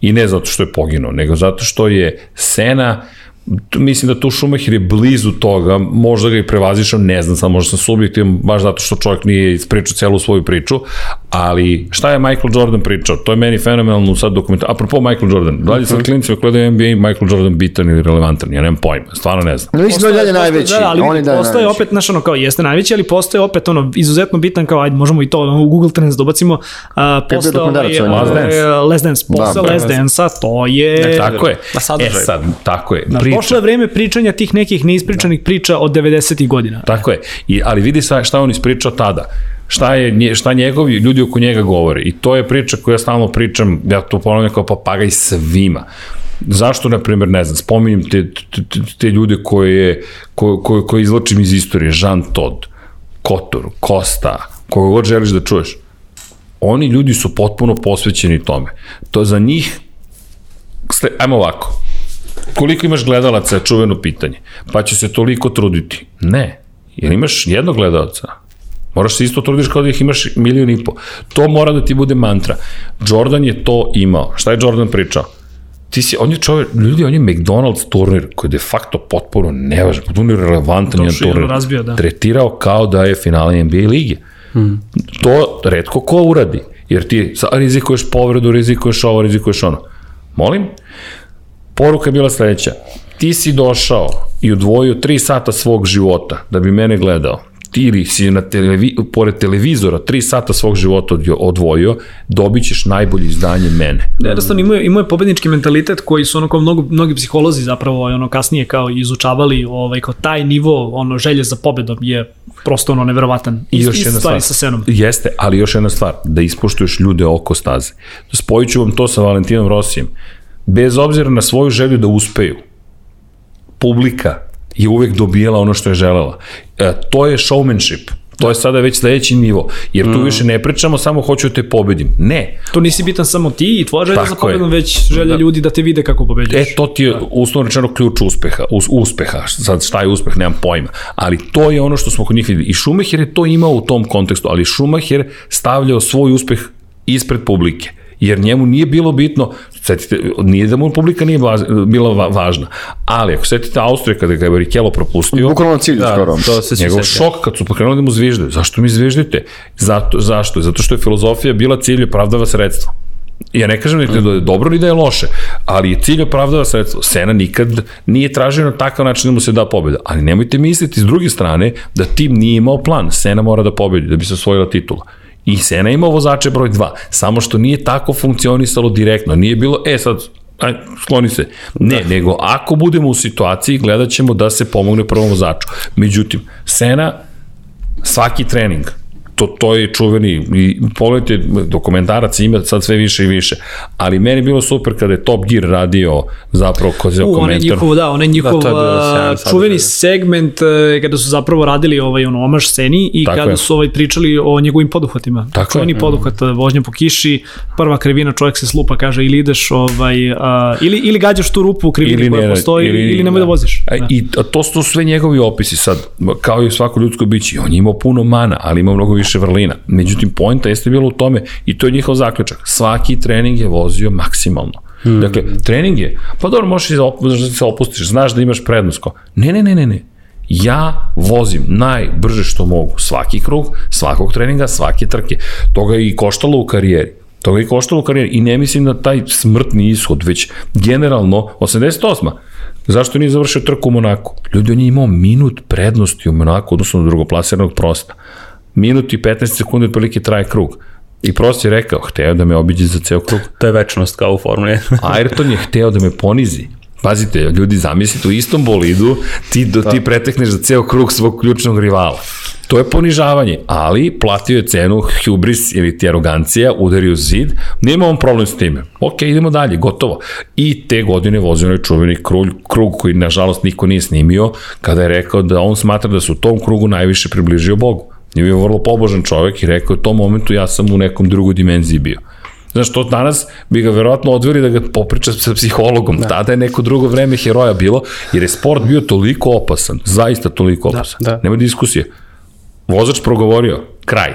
Danas su ih doveli u, to, u tu situaciju da su mnogo korporativni. Danas i... oni zvezde sa kompletnim PR je, strategijama, sa korporativnim pristupom. Da, e, ali hoću, hoću malo da popričamo i, i, i, i o tome da se negde vratimo na, da, da, da, da, da. na ono što je kao Tadić e. I doći ćemo do zaključka. Ali, da, do, do, došli, smo, došli smo sada dakle do, dakle, do tog nekog pada ovaj, ono, čitavog sporta. Stvari su postale mnogo sigurnije, što ti kažeš, ušli su advokati, ušli su korporacije, a, sve se negde više formalizovalo i ti odjednom nemaš više te zvezde i stvari počinju negde da, da idu na dobro. Znači imaš Luisa i dalje imaš, sve vreme tu. Imaš da, Luisa, da, imaš neke zvezde, ali ti gledano spada. Sport Ima, postaje dosadan. A, e, tu je sad problem, znaš, da. to je sad problem. Jel, jel bilo izvesno kada je Schumacher vozio? Bilo je izvesno. Pa jeste bilo je, da. Ferrari se znao, mislim manje više, i bilo je sezona kada je bilo neizvesno. Da. Ali od pet titula sa Ferrarijem, tri su bile, dve su bile potpuno izvesne. Pa vidi, e, reći ću, možda se neko neće složiti, ali reći da je postalo malo dosadno kao što je bilo i, i proteklih pet godina sa, sa Mercedesom. Da, pazi, Mercedes je to podigao na neki novi nivo. Ali iz ugla nekoga ko je, ko, je. Ko, ko, je, naš, ko je danas više gledao, ko je zapravo ova novija generacija F1, ajde, ajde da se tako izrazim, Bilo je dosadno. Pazi, imao si situaciju da ti znaš ko će da pobedi, ali da. postoji par stvari. Prvo što su oni, on jeste čovjek bio show Dakle, on je, on je privlačio pažnju, s razlogom. Ljudi, on je poslu... Šumahira takođe treba pažljivo izanalizirati. To je preazbiljan vozač, ali istovremeno vođa. Ono što je njegova velika stvar je da on bio vođa. Sena je takođe bio vođa, ali na drugi način. Sena je on mitsko biće, otprilike, poslednji sirovi vozač. Kada zašto kažem sirovi? Gde još uvek nismo imali podatke, još uvek nismo imali sve Poslednji informacije. koji bi se latio ovaj ključeva da sam nešto dotegne. Što se Ajde, kaže, više mehanika da, igra da, ulogu da, nego... Da, da. Pa, vozač ti je imao, eh, on je davao povratne informacije. Nije davao kompjuter. Tako je. I sad, ali znaš ko je poslednji koji, je, koji se hvatao zapravo alata? Ja, da ne kažem Lauda. Ne, ne. Schumacher. Schumacher. Da, ja sam tebe slušao, pričao si da on vrlo često bio u fabrici sa u Muđelu i radio sa rad, Vođa. ljudima. Da. Ljudi, on nije spavao dok nisu postali šampioni. Dakle, to su, to su te čuvene priče gde on imaš njegov restoran, njegov, nije njegov restoran, imaš njegovo mm, mesto. To da, njegovo mesto, da, da, da. da. Ne razumeš, to je, to je čovek koji je rešio da stvori legendu. Ja, meni je to predivno, zato što ti si došao u Maranello, u ekipu koja je de facto neuspešna, koja je imala brojne eksperimente. Imala, kao Nemac. Kao Nemac, tako je. Tebi dolazi neki francuski tim ljudi, da, dolaze Francuzi, dolaze ti Britanci, dolaze ti Nemac, pazi, to je... Iza... Koja multikulturalna mešavina. ali pazi koliko da, ali, ali stavi to u kontekst ono ljudi koji ono rade oko Marinela, koji su ono čisti, da. čisto krvni italijani. Kako I, oni gledaju tebe kao outsidera u tom trenutku? Znaš kako? Dok nisi počeo da pobeđuješ, Da. Kao, ajde vidimo. Kad si počeo da pobeđuješ, nema više nacije. Tvoja nacija postaje Ferrari. Izvoli sedi, ovo je tvoje mesto. Da, da. Ti, ono, you bleed red, to je to. Šta je, e, to ti je sada you bleed yellow u Moto Grand Prix. I to, to zašto spajam priču, zato što ti Valentino Rossi, to sad ja postavim sve svesniji iz trke u trku, postao de facto, ne brand, nego oličenje te ljubavi prema Moto Grand Prix na taj način. Pa mi, mi mit. legenda, ono, the, the, man himself. Kao, ali pazi, sad on postaje još veći od toga, jer šta je Ferrari? To je prezime. Enzo Ferrari. Ferrari je postao više od toga. Sad imaš Valentino Rossi koji postaje više od toga. Marko Beceki sad je bio prethodnog vikenda u Asenu na drugoj poziciji, on nosi 46 da doktor zastavu. Uh mhm. -huh. To je njegova zemlja. Bazi, ne nosi on italijansku zastavu. Kao Ferrari kad pobediš. Ne nosiš ti nemačku zastavu. Nosiš između ostalog. Ti nosiš crvenu ali zastavu. Nosiš Ferrari, ništa. tako je. Tako. Ti, ti si u nekoj drugoj državi de facto. I sad oni su to stvorili za noviju generaciju. Ko je pamtio Ferrari? To, pamtiš ga kao neuspele projekte. Bez obzira na sve inovacije, pamtiš neuspele projekte. I onda dolazi Schumacher koji sve to menja sa celom tom ekipom ljudi i popularnost Formula 1 odlazi u stratosferu. Pri čemu imaš dobre antipode ili ti sad ko, ko su junaci jel? I, što je zanimljivo sa Schumacherom njegova kontroverznost i činjenica da ga mnogo ljudi nije volelo takođe je pomoglo reputaciji Formule 1 i gledanosti jer to ti je kao na čuveno sa Howardom Sternom. Pola ga sluša da bi čulo šta će da kaže koji ga ne vole pola ga sluša da ga čuje šta će da kaže koji ga vole. Kao sa Joe Roganom danas. Tako je ali dalje slušaju. I ne volim ga ali Hoće da klikne. e, razumeš? E sad, Schumacher, gledaš da bi pobedio, gledaš da bi izgubio, ali ti ga gledaš. I vidi, mis, on ti pivotalna centralna figura, ali to utiče na popularnost. Pri čemu Bernie Eccleston u tom trenutku znao šta radi, jer je Bernie predosjetio ta nova vremena. Kada počinje pad, odlazi ti Schumacher, Dolazi Fernando Alonso, čekaj, nije mala zvezda Fernando Alonso, dolazi Lewis Hamilton, nije mala zvezda Lewis Hamilton. Da bi je Vettel tu. Dolazi Sebastian, Sebastian Vettel, tako je, čekaj, to je čovek koji će postati četvorostruki šampion. I on najmlađi pobednika da. i sve i svašta, da. Imaš Kimi Raikonena da. koji pobeđuju u svojoj prvoj trci i osvaja titulu. A opet specifičan, potpuno specifičan vozač. Tako je. Ogromno. Kimi je, Kimi. Kimi je legenda isto. Da. Apsolutno, vidi, o njemu tek posebna priča, ali sad hoću ti kažem, pazi, sve to, zašto mi sad ti doživeo pad? Ima, ima, ima stvari perfect storm, što kažu. Mm. Tebi dolazi sledeća stvar. Prvo braća Lehman, pada globalna ekonomija. I to je puklo, oni su pukli. Taj puklo, da. razumeš, i sad tu kreće haos. Da, i ljudi su gledali kao veoma, ovaj ono, a, Vama nepotrebno stvar da se toliko novca izdaje na, na jedan sport. Odjednom da, to da, počinje da trpi. Razumeš, znači ima, nije, nije samo jedno. Druga stvar, počne nova generacija se pojavila. Ljudi, vi ste postali punoletni. Sad, Bernie Eccleston, da li zna šta vi želite, ne želite, ne zna. Mi smo bili na društvenim mrežama, tamo smo gledali da dođemo do svojih informacija i do svojih heroja. Tu Bernie počne. nije bio za to. Bernie nije bio da. za to. Bernie je rekao ne. Ljudi, Formuli 1 je bilo zabranjeno da se pojavljuje. Mm Da. Zabranjeno da se pojavlja na netu, zašto? Bernie je očuvena rečenica, a radije ću 65-godišnjaka koji ima pare nego ove klince koji nemaju jeste, pare. Jeste, to sam na Twitteru vidio nekada. E, da, samo što on da nije shvatio da se svet promenio. Mm. Par stvari. Klinci će uvijek imati pare kako? Zato što njihovi roditelji imaju pare. Nedavno je, nedavno je bio sjajan thread na, na Twitteru, da li si ti to podelio valjda na, na našoj grupi ili nešto, ali baš, baš su pričali o tome kao kako je, kako Liberty Media zapravo promenila kompletan ovaj pristup uh, Apsolutno, da. ali pazi, to je isto zanimljivo. Uh, Bernie je, Bernie je bio super efikasan za, za, za novac. Dakle, ako mm. pogledaš njegov return on investment... He was the money guy. The money guy. A, ali samo money guy. Jel ima para ili nema para? To je to. Ništa drugoga nije zanimao. Ljudi, on je, on je sa Brežnjevim pričao 80. godina da naprave iza crvene, iza zgozdane zavese, to je tako Formula 1. Šta vam je? On je bukvalno išao kod Brežnjeva da pita da se vozi trka u Moskvi. Tada. Mene ne bi čudilo Berni sad u celoj ovoj kontroverziji bizarnosti da ode kod Putina i da kaže ja hoću da se sad organizuje trka u Rusiji. Ljudi, ja se ne šalim. Daj da vratimo Soči. Ali to, al to, al to, je stara, to je stara generacija ne, ljudi. Moskva. Moskva. Moskva. Vidi, to je, to je stara generacija Tako ljudi. Mi, mi jednostavno danas više zbog ono političke korektnosti, zbog svega, nemaš više, nemaš više takve ljude. Ja, ja samo pričam, ja, ja, ja ne podržavam ili nisam ni za ni protiv. Ja da, samo absolutno. konstatujem šta bi Berni uradio. Budite sigurni da bi Berni sada gađao nešto toliko kontroverzno, upravo to. Da ne mogu da verujem, zgražavanje, ali ću doći da gledam ali ću doći da gledam. Znaš, Bernie to, inače Bernijeva ima on jednu sjajnu izjavu u, u, u uvodu za, za za, ajde da ne najavljujem pre vremena, za jednu knjigu, ali lepa knjiga uh, u kojoj on kaže, meni nije odgovaralo da pobedi Ferrari. Ja bih radije da pobedi svake godine neka druga ekipa nego Ferrari, jer to stvara veće interesovanje. Zašto? Ferrari i nevajači će biti tu, pa će biti tu. A ostali dolaze za pobednicima, za uspesima i još jedna stvar koju je rekao, mene ne zanima da jedan vozač ima sve titule. Mene zanima da imam ličnosti, da imam likove. Dakle, Bernie je gledao ka ljudima i to je bilo dobro. Ono što je pogrešio, da, da, da zaključim on, ono pitanje, uh -huh. uvek su klinci imali pare Ljudi, kako pa, mama, mama, tata, tata, buraz, aj se snađemo, odradimo neku šljaku i idemo da trošimo pare. Koliko da. imamo toliko, e ljudi, mladi ljudi će se snaći.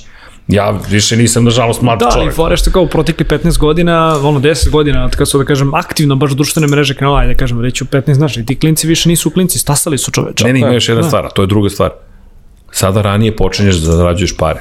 Ima Sada ranije počinješ da zarađuješ pare. Ljudi potpuno zaboravljaju da nova generacija drugačije pristupa stvarima. Dakle, ti Mogu si da zaradiš i kao ja. Sa šta sam ja počeo? U želji da budem kurir, da bih imao pare da odem na letovanje. Ljudi, to je 19 godina, ja već razmišljam o tome da zaradim pare. Uh, Sneško Belić se raspao, ti gledaš ratove i neko ti priča o tome da sve će biti u redu. Ne, ništa već nije u redu. Dakle, jasno je every man for himself, otprilike je filozofija i moraš da zaradiš pare. Pričam, moji mama i tata, ljudi su odrastali u jednom organizovanom sistemu. Kakav god da je on bio, dobar ili loš, on je organizovan i ti funkcionišeš na određeni način i sad taj sistem ti je neko rekao, piki ne važi, to je obrisano. Čekaj, čekaj, čekaj, čekaj, sad kompletan sistem vrednosti ste promenili. Moji roditelji nisu znali šta će u tom sistemu. Donesu jednu, dve marke kući i kažu, sine, to je sve što imamo. I Burazir smo bili u fazonu, top, to je ono što imamo, držimo, ne ozbiljno, držimo se kao porodica da. i idemo dalje. Šta ćemo da radimo? Nemam pojma, ali Burazirija nikad nismo njih krivili, nego smo rekli moramo zaradimo pare. Novi klinci, čekaj, ti sada sa, sa globalizacijom, a svi kukaju na globalizaciju, koja ima mnogo loših strana, ali oprostite, ima i mnogo dobrih strana ja sad mogu da dobijem angažman iz Malezije. Nisi li ti valjda rekao da jednom rekao smo i pobednici globalizacije? Da, mi smo da. pobedni, od ovim stolom u salonu sede pobednici globalizacije. Ono što je problem, ne razumemo ko su gubitnici. Mi, da. mi nemamo kontakt nužno sa ljudima koji su pretrpeli poraz u globalizaciji, ima ih mnogo. I ono što je mm. problem u potpunoj kapitalizaciji univerzuma je što to, to je besmislica. To je, izvinite, bullshit. To je sranje jedno veliko. Zašto? Zato što ako ne, ne radimo kao ljudi jedni na drugima, ne pomažemo jedni drugima, doći ćemo do toga da na kraju dana opet to svako za sebe, će samo dovesti do neminovnog sukoba. Jer ako ti živiš u nemaštini, ako si ti ponižen, ako si ti sveden na to da otprilike si nevažan, u jednom momentu ćeš se pobuniti. To je, to je priroda da. ljudskog bića. Ja bih se pobunio, mi bismo se pobunili, neko će se pobuniti i treba da se pobuni. Ali gde je problem? Što će se samo okrenuti priča uvek imaš neke pobednike poražene. A humanizam bi trebalo da pomogne tome, aj napravimo jedno humano društvo, se međusobno podržavamo. E sad, moram u kontekstu toga odmah da kažem da i formula je bila tako, je bila ponižena i, i, i okrenuta, da kažem, neka na leđa i onda su se dogodile mnoge stvari ili Jeste. je preuzeo, da kažem, ovaj od Bernija. Tako je. Vrlo hrabro, moram da ti priznam. U da. momentu kada svi govore da je dosadna, pazi, uh mhm. -huh. za mene će ona uvijek biti zanimljiva, zabavna, lepa na, na neki način. Ali činjenica da je bila mega predvidiva. Pa je, ja dođem u petak ujutru i mi kažemo, aj sad odmah, Luis ili Niko, Luis ili Valtteri, Luis ili znači, ko je Mercedes samo da ga ne Odmah znaš koga da tipuješ. Tako je, ali pazi, to je istovremeno uh, pohvala Mercedesu i Lewisu Hamilton šta su uradili, ali pa činjenica, i Audi u tom trenutku. I, vidi, i Lauda i Rosu Bronu. Ross Bron je dosta, dosta, dosta, Ross Bron je postao temelj uspeha Mercedesa. Ponovo Ross Bron. Jer on je... Oni su se zvali Bron, tako Bron je GP, Bron, tako GP, jedna, jedna sezona, čuvena. Tako je, da, jedna da. čuvena sezona. Baton je vozio valjda. Tako, pa povedio osvojio tada. Jeste sa Rubensom Barrichelom, bilo to čuvena sezona, ali ima to jedna zanimljiva priča posle toga, opet politika. Uh, politički, kako su oni vršili pritisak da se pravilnik prilagodi nečemu što su oni znali kako da maksimalno iskoriste. Ferrari je pritom podcenio izazov hibridne ere. Ferrari mm. uopšte nije razmišljao da će to biti toliko kompleksno. Da. Ljudi, ovo je mega skupa Formula 1. Da, da. da postići tu vrstu efikasnosti, uh, koliko god mi kritikovali hibridnu eru iz nedostatka, na primjer moja generacija, nema zvuka fakat nema zvuka i to je nešto na, na, na šta ćemo se teško navići. Ja ne znam kako Formula 1 doživljava nova generacija. Evo ja, ja sad pričam sa mladim ljudima, sticam konsti da nam pomognu da mi to razumemo bolje. Jer to ono što Paja lepo kaže, nema dobrih starih vremena. To ne postoji, ljudi, to je mit. Evo kao što ste rekao, ja pamtim da prenose Formula 1 na 4K televizoru, ja ih tako pamtim. Neko pamti V12, mi pamtimo V10, to tako su naše je. vremena. I, mislim, i, i, i to je okej, okay. samo treba prihvatiti da mladi ljudi imaju svoje vremena, a ne poklopiti ih, a nemaš ti pojma kako je bilo moje vreme. Deco, momci, devojke, to je glupost. Evo da vam kažem, stojim, po, po, pošaljite im link i reći, srđan rekao da je glupost, tako je to bitno. Zato što to ne postoji. Kao što sad neko stvara svoj happy place negde, letuje negde s mamom i tatom i to mesto će zaovek zapamtiti, tako je to moj happy place. Ali šta je naš posao, između ostalog kao medija, da mi naš happy place prenesemo drugima, da naše oči gurnemo u svet i kažem evo šta mi vidimo i zašto je Sena bio zlatan. Zašto je Schumacher bio zlatan? Da, da citiram Dekija Potkonjaka i crni crven.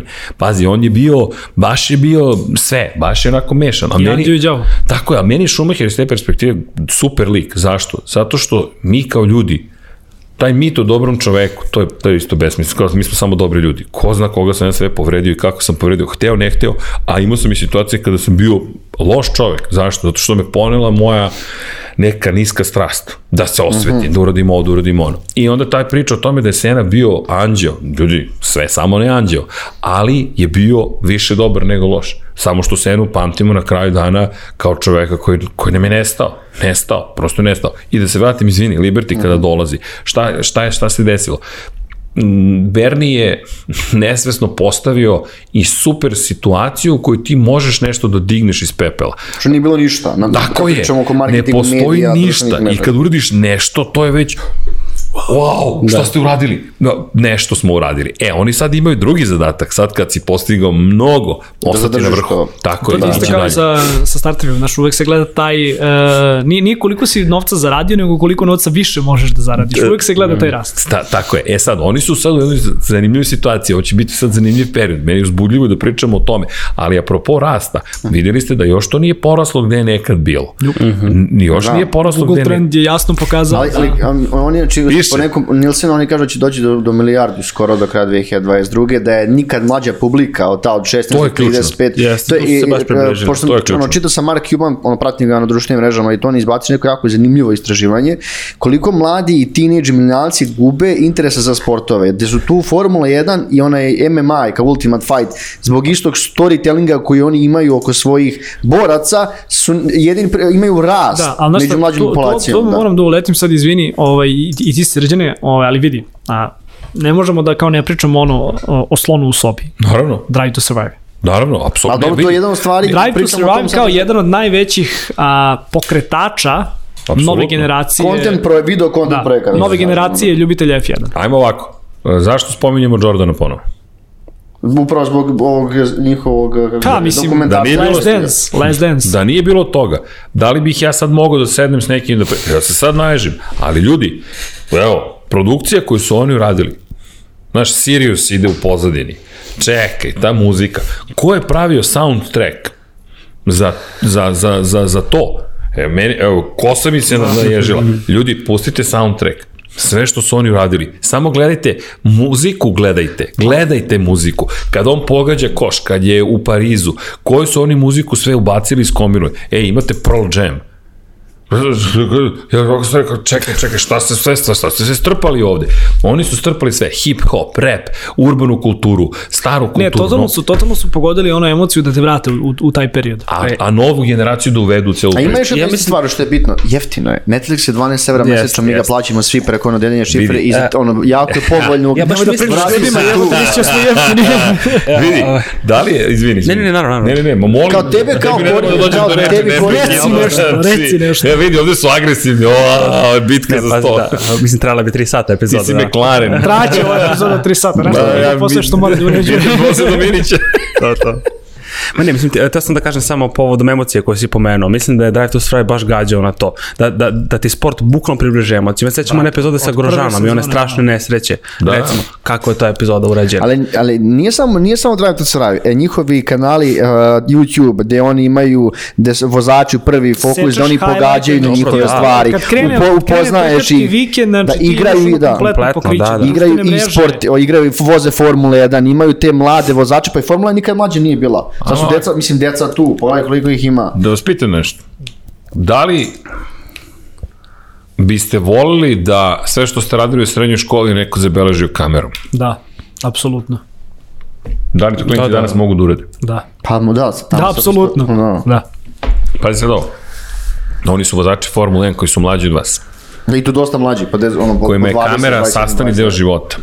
Pazi, mi živimo u javnom, nema više privatne sfere života. To ne Sve postoji. javno. Ja ne mogu da odem u kafanu i da se napijem i da ne očekujem da će neko to da propusti priliku da snimi. Nema teorije.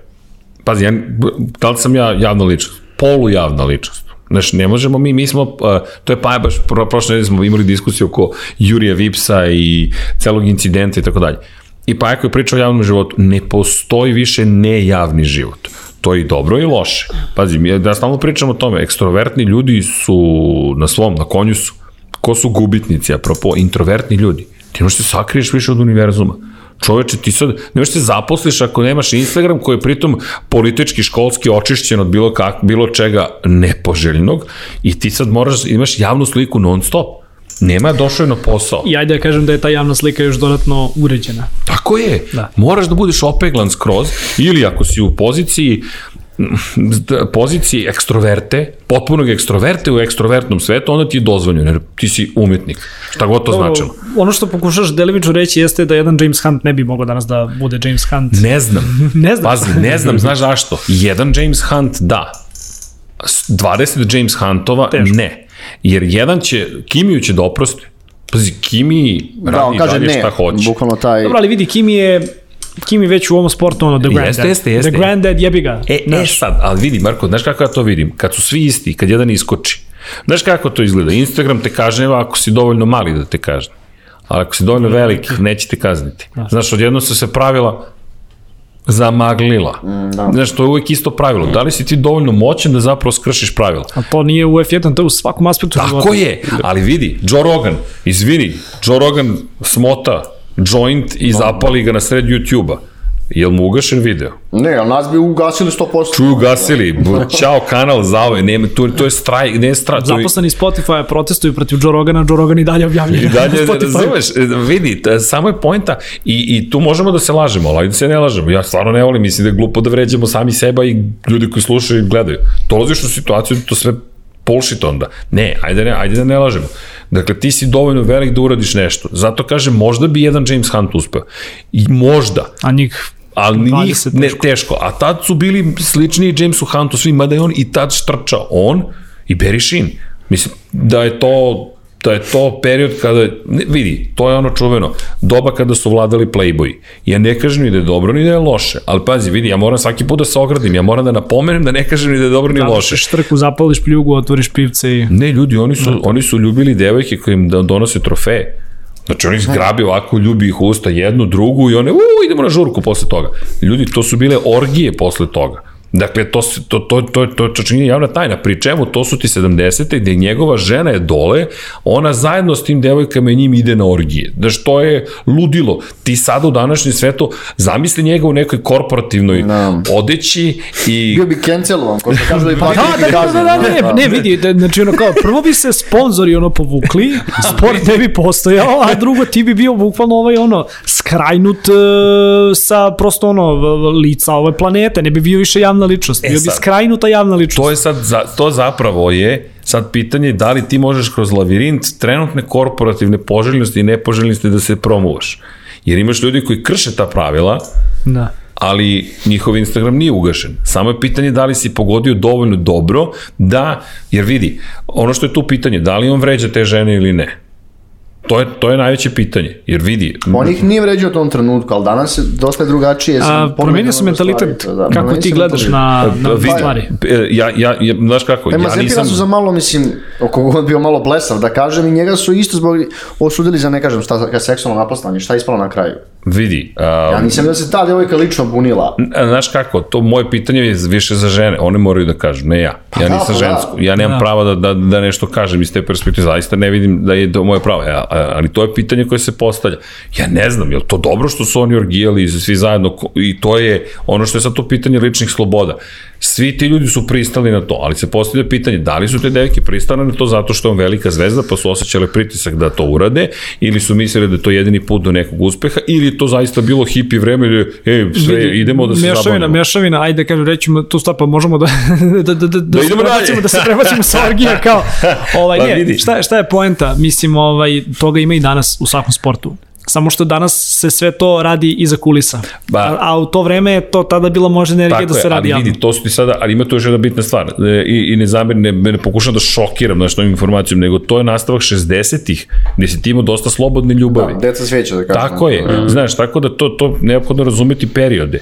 E, sada, ja ne znam da li bi hipici imali pravo da se pojave bilo gde, a onda je moje pitanje sledeće, jesmo mi u liberalnom svetu postali zapravo konzervativni? Ali i, mislim, Da. mislim da svet Znaš, kako ide, sve Ali vidi, ali u da. svakom, u svakom aspektu, mislim, pazi, čak i u ovom podcastu, znaš kao, ovaj, ono, imali smo situacije gde su neke reči rečene ili određeni ljudi uvređeni, da se ne vraćam sada na, to, na, na, na, na taj deo, na taj deo istorije, ali to je prosto, znaš, nemaš ti više tu, tu slobodu. To je, pa znaš kako, to je, to, je, to je sad, to je jedna šira diskusija, ali apropo Formule 1, to su ljudi koji su gradili mi to Formuli 1. Međutim, znaš, meni, meni inače, ja moram da primetim jednu stvar. Uh, malo, malo vidim, ajde boomeru radi ovo ili radi ono. Da. Šta je meni ironija? Ljudi koji, se, koji tvrde da su zapravo prevazišli to što, ja sam valjda boomer koliko sam shvatio. Mislim još nisi. Ili nisam još. još da, to su, da kažu ljudi preko 60. Aha, nisam još blizu. da. Da, da, Ne, sad, nije. Sad ću 50. Boomeri su baš ono baby boomeri. Ajde, Generacija okej, X, ja ne znam ko je. Ja sam, Generacija Z, ne, mi smo, ste- mi smo Ne, što jesmo, nije Ja sam Mi smo milenijalci. Ne, nisam, nemam pojma šta si sam ja. generacija pre nas, mi smo milenijalci. Okej, Sad smo ima, svi smo mi matori. Vidi, ali da čemu, se. znaš čemu se ja smejem? Što ljudi zapravo potvrđuju da su isti kao boomeri. Zašto? Kažu nemoj ti da me grupišeš ili da me, da me svrstavaš u određene kategorije boomeru. Ti nisi upravo kategorizovao čoveka. Zar nisi kategorizovao? I onda svi zapravo ti pokazuju koliko su svi isti, non stop, iz generacije u generaciju. Jer ti si ga kategorizovao, ali pošto si ti u pravu, onda je u redu da kategorizuješ. Ne, nije, kreni od sebe, to, ti tiran, to, je, to je tiranija. Ljudi ne shvataju da to mikro tiranija, ali svaka tiranija je tiranija. Ti daješ sebi za pravo ono što zameraš drugima, jer ti si u pravu. Pa tako funkcioniše tiranski mozak. Pravila važe, osim za mene je, da, to je tiranija. Definicija tiranije. No, da se vratimo na ovo. Te, Bernie ti je imao sistem koji je doveo do toga da ti imaš plodno tle za ogroman rast. Drive to Survive. Ne, pazi, to čak ni nije slon. To je osnova, pogotovo za Sjedinjene američke države. Drive to Survive je bukvalno pokrenuo nešto novo. I zašto? Najglednije trke u ikad u Americi ove E, godine. ali i tako pazi, da, da. a, a znaš šta je tu Ne, zanimljivo? Amerika kao tržište za F1, pričat ćemo o tome. To Pa ne, pa mislim, to je da- sledeće pitanje, nastavi To ti slobodno. vidi, znaš, to ti da. je Amerika ti je, znaš zašto je, ali znaš šta je tu poenta? E, mnogo je bilo pokušaja da se otvori američko tržište. Jer, znaš, kako, znaš šta je tu zanimljivo? Moj čale je opet rukomet. Na primjer, uvijek pitao zašto u Americi ne gledaju rukomet kad je to sport koji je savršen za TV? Bum, bum, bum, trči levo, desno, puno golova, brz, ima kontakta, sve što, svašta. Jednostavno niko nije radio marketing kako treba, nije organizovao ligu kako treba, nije to prezentovao kako treba. Vraćamo se na nešto što ja volim, e, to verovatno ne smemo da pustimo, ali pogledajte klip, ukucajte Megamind Presentation. Uh -huh. I moment kada on ima sukob, jel te, gore na vrhu zgrade i, kako se kako se zove, antiheroj u, u, u o Megamindu. crtaču, anti- crtaču, da, tako ja, je, tako je. to. I on mu kaže sledeću stvar. Uh, sve to super što ti pokušaš da budeš zloća. Zna se ko je, postoji samo jedan zloća u ovom gradu i to sam ja, Megamind. I, jer nas odvaja jedna bitna stvar. I ovaj kaže, da, koja je stvar? A ovaj ima sve super moći, ovaj nema super moći. Presentation ili ti prezentacija. Daš čoveku da ti prezentuje nešto. Kupit ćeš, ako je dobar. Daš čovek koji ne zna da prezentuje, nećeš kupiti. Mislim, pritom su to upakovali u tako dobar storytelling moment da. i to kao u prvoj sezoni gde nemaš... Tako je, gde nemaš ništa. Ali ne, ne- gde nemaš ništa i, i to ne da nemaš, Nemaš- ništa, nego, nego bukvalno, pazi, ne, ona, uh, u prvoj sezoni se Hamilton nije ni pojavljivo. Nemaš da. ništa. Vidi, najveću zvezdu si izostavio iz Drive to Survive. Ti praviš priču oko duela Fernanda Alonso u McLarenu i Gde je bio Carlos Sainz? Carlosa Sainca u... Pa bio je Renault, da. Renault, Renault. Renault, da. Bitka za šesto mesto na velikoj nagradi Španije.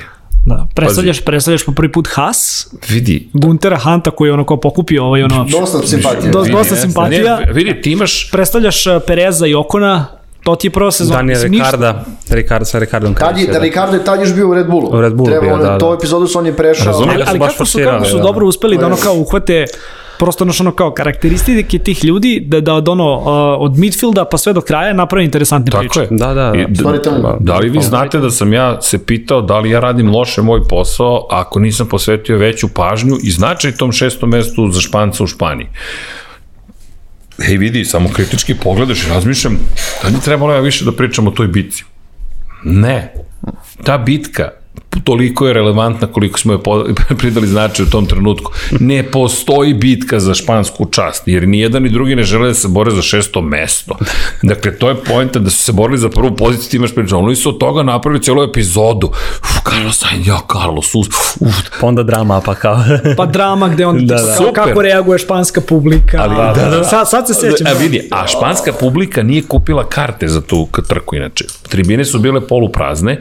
To je inače, evo, da otkrijem, neka Katalunije vozilo. Da, Je. da, da, da, ali ljudi, uh, obratite pažnju na kadrove, na švenkove. 2017. godina, ne, 16. 16. je, 16. je sezona, 17. godine Tako nešto, premijera, nisam, nisam nije siguran. Mislim da nije 16. Ili je ali- 17. na 18. Da, zato što je vidi. 16. Rosberg dobio. Je, ljudi. 17. na 18. E, onda 17. na 18. Na trku je dolazilo oko 60.000 ljudi. Sad, kao, pa to nije loše, to je katastrofa. Sad, sad je bilo 300.000 kad je bila To sam Kanada. htio da kažem, ali kad sabereš i trening i trku, Ne, ne, ne, ne, ne, izvini, izvini, to je tada. Sada je potpuno druga priča. Aha. Sada imaš 100.000 ljudi na dan trke. Miami ove godine. Ljudi, ali baš dosta. to jeste poenta. Ti, ti u Španiji imaš 60.000 ljudi, imaš poluprazne tribine. Glavna tribina je rupičasta, koliko ima slobodnih stolica. Oni to tako švenkuju tako snimaju da ti pomisliš, o, sve je puno. Nije puno. Dakle, ne da nije puno, nego nismo ni blizu toga da bude puno, ali ti oni predstavljaju, Španci su došli. Ljudi došli su ljubitelji Formule 1 i, i, to, i, i, to, i to je to. Ali Španci sad neko pretralo uzbuđenje. Ne, Za razliku od ove godine, gde ti imaš najveće sportske... do- Formula 1 je rasprodala dane trkanja. Nedelja je rasprodata u Evropi. Ako neko hoće da ide na Formula 1 ove godine, morat će van Evrope da ide. Mm -hmm. Bukvalno. Znači Hungaroring rasprodat. Znači moramo da To kupujemo davno. karte za narednu sezonu kad otvore odmah. da, da, Znači više da, gledam, da gledam Mađarsku sada. Ali to ti je hajpovanje na nivou, da. to ti je hajpovanje na nivou iPhone-a. Znaš, Da, da, da. pojavio se iPhone, idi lezi, spavaj tri dana da bi kupio novi iPhone. Da. Vidi, to je trajalo dosta dugo. Da. Sad više ne traje zato što to... Pa i, i Las Vegas, Pa to ti klasičan američki lobby. A Las Vegas je u zadnjih, šest, u zadnjih kažem, pet godina dobio prvo hokejaški klub, e, dobio je e, F, for, ovaj, kako se zove, ovaj, NFL klub, NFL, dobit će trku Formulu 1, tim koji Dobili nije su imao... NFL, oni već Pa to imaju. sam rekao, Da, dobili su da. NFL i verovatno To su postoji priča, da, i postoji neka, i onaj, on novi stadion izgleda kao Death Star, šta- bukvalno. znaš mi samo i postoji priča da će da dobiju i ja znam sportu koji ne šta sport. Da, da, i postoji priča da će dobiti klub. Pa ne znam, ali to je mnogo para koji se trenutno gura u Las Vegas. Ali, evo moje pitanje, da ti vodiš biznis, da li bi to uradio? Pa vratno da, tamo ti ono kocka, glupost, Nema ja grad koji sa- raste. Znaš kako, i meni je to okej. Okay. Ništa to meni nije sporno. Ono što je sporno samo jeste da li ćeš da ugasiš ono što je bila osnova Formula 1. Mi ćemo. Spa, Monca, Monako. Znaš, oni sad planiraju veliku nagradu Nice.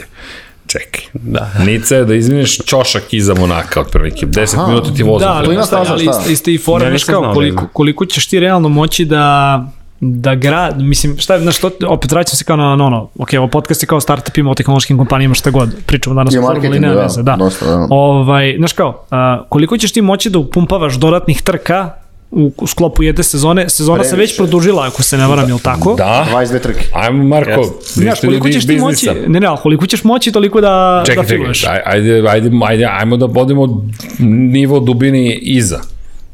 Koji ti je cilj? Za- Cilj za kompaniju jeste da maksimizuje profit, Ne, ne, ne, je ne. da. Cilj je rast. Ne, ne, ne. Koji ti je end game? Da se dodatno popularizuje, da bude masovno što Ne, više. ne, ne, ne, ne, ne. Cilj ti je, ne, mene ako pitaš cilj, ono, Liberty Medije je konstantan rast. Znači, mislim, mislim da se nema nekak, nekakav ono kao krajnji cilj, nego da imaš samo cilj ove godine želimo da porastemo za 5%. Mislim da tako firme iskreno ovaj, razmišljaju koje su na tom nivou. Ako- Ispravi me ako grešim. Ne, ne, ne, ja ne znam. Aha. Ali moja, moje, moja sve više mislim da im je end game exit. Pa moguće i to Moguće isto. da Znači, da. postoji da li ideš na IPO, da li exituješ, da li sve. A vidi, da, sve moje, to je moje da. mišljenje. Zašto? Zato što ćeš ti sada da pumpaš. Da. Pet godina. I da prodaš po 10, ono, 25 puta veći cijeni. Razumeš? Da. I sad, koga briga iz te perspektive, ja ne kažem da njih baš briga, ja samo kažem, a iz te perspektive koga briga dokle možeš to da guraš. Možeš dok god raste. Dok Da, god ali raste. opet, znaš kao, ajde samo je ono, sad iz ugla nas koji kao gledamo ovde i volimo taj sport, znaš kao da se neke stvari... Dobro, nećeš ono, gledati veliku nagradu Las Naravno ću da Vegas. gledam, to nije problem, ću da gledam sve. Razumeš? Ne, znaš šta, A, da, pazi, vidi. Las Vegasa i Nica sigurno ne, ali znaš, ono, imaš neke ono cornerstonove, Spa, Monaco, I šta će da se Monza. desi? Desit će se da te, ako sačuvaš, mi ćemo biti sigurno tamo. Nova generacija će biti sigurno, ja ću biti svugde, zato što prosto to je, to je ljubav. Da. Drugo, ljudi, ajmo ovako, ja, godine idu, idu, idu, idu, idu, i, i ja ne znam kad ostariš, stvarno nemam pojma, vratno kad budemo ostario ću reći, o, to se desilo, ostario sam, znaš, ja sam... Šta se kaže kad osetiš? Tako je, vidi, ali sa šta je stvar? Ja razmišljam, čekaj, ja živim sada. Svet se, svet je takav kakav jeste. Patnje za prošlim vremenima je pff, gubljenje vremena. Ej, bilo, uživ, si uživao, bilo lepo, aj sad uživaj u ovom novom. Šta je uživanje u ovom novom?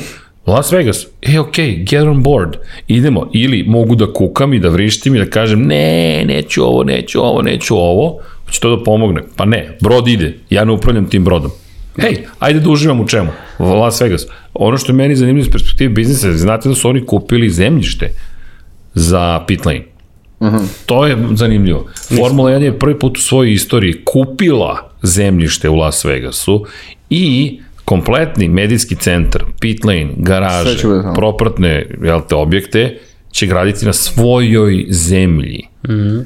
A onda će da renta strip od grada. Uh -huh. Što znači, organizator trke je Formula 1. Za oni koji ne znaju eventualno kako se organizuju trke Formula 1. Formula 1 je kompanija koja ima prava na komercijalizaciju tog projekta. Pravilnik sportski piše Međunarodna automobilska federacija, FIA, FIA da. tako je, a organizatori trka su organizatori trka. Obično su to ljudi koji su ili vlasnici staza, automotoklubovi, uh mhm. -huh. automotoklub Monako je organizator gradovi. trke, ili gradovi, da. da. ili privatna lica koja su uzela u najam yes, da. stazu ili šta god kupila prava za tu organizaciju te trke. Saudici. Na primjer. e sad, do, gde, gde dolazimo? Dolazimo do toga da ti imaš tri glavna činitelja. FIU, Formulu 1 i organizatora trke i istovremeno promotera trke, jer organizator je taj koji mora da se takođe potrudi oko svog. Organizator ima... ljude. On ima najveći rizik zapravo. Formula 1 ima najmanji rizik, FIA ima najmanji rizik u suštini. FIA je prodala prava, pa je prodala prava. Da. S tim što i ona ima rizik da ako sport počne da pada, bit će manje par. Formula 1 takođe. Organizatori, ej, ako ne pre pare, ende, to je kraj priče, jednostavno nemaš gde dalje da ideš. I sad dolaziš u situaciju da su, je bliska saradnja uvek postojila između organizatora, promotera i Formula 1. Odjednom, nemaš tri činioca u Las Vegasu, imaš dva. Imaš FIU, FIU i, i Formula 1. 1. Šta to znači za budućnost organizacija trka Formula 1? Možda će da bude mnogo više njihovi vlasništvo. E, ali to ti je, znaš sam, spomenuo si iPhone. Da. To ti je strategija Apple-a. Sve pod svoj krov, Zaseban ekosistem. Ekosistem si zatvorio, E, razumeš? Ja, sad to je pitanje, ti praviš i, i onda, apropo da malo skinemo to šta se zbiva iza kulisa. Organizator trke u spa ne može nikada postane Formula 1.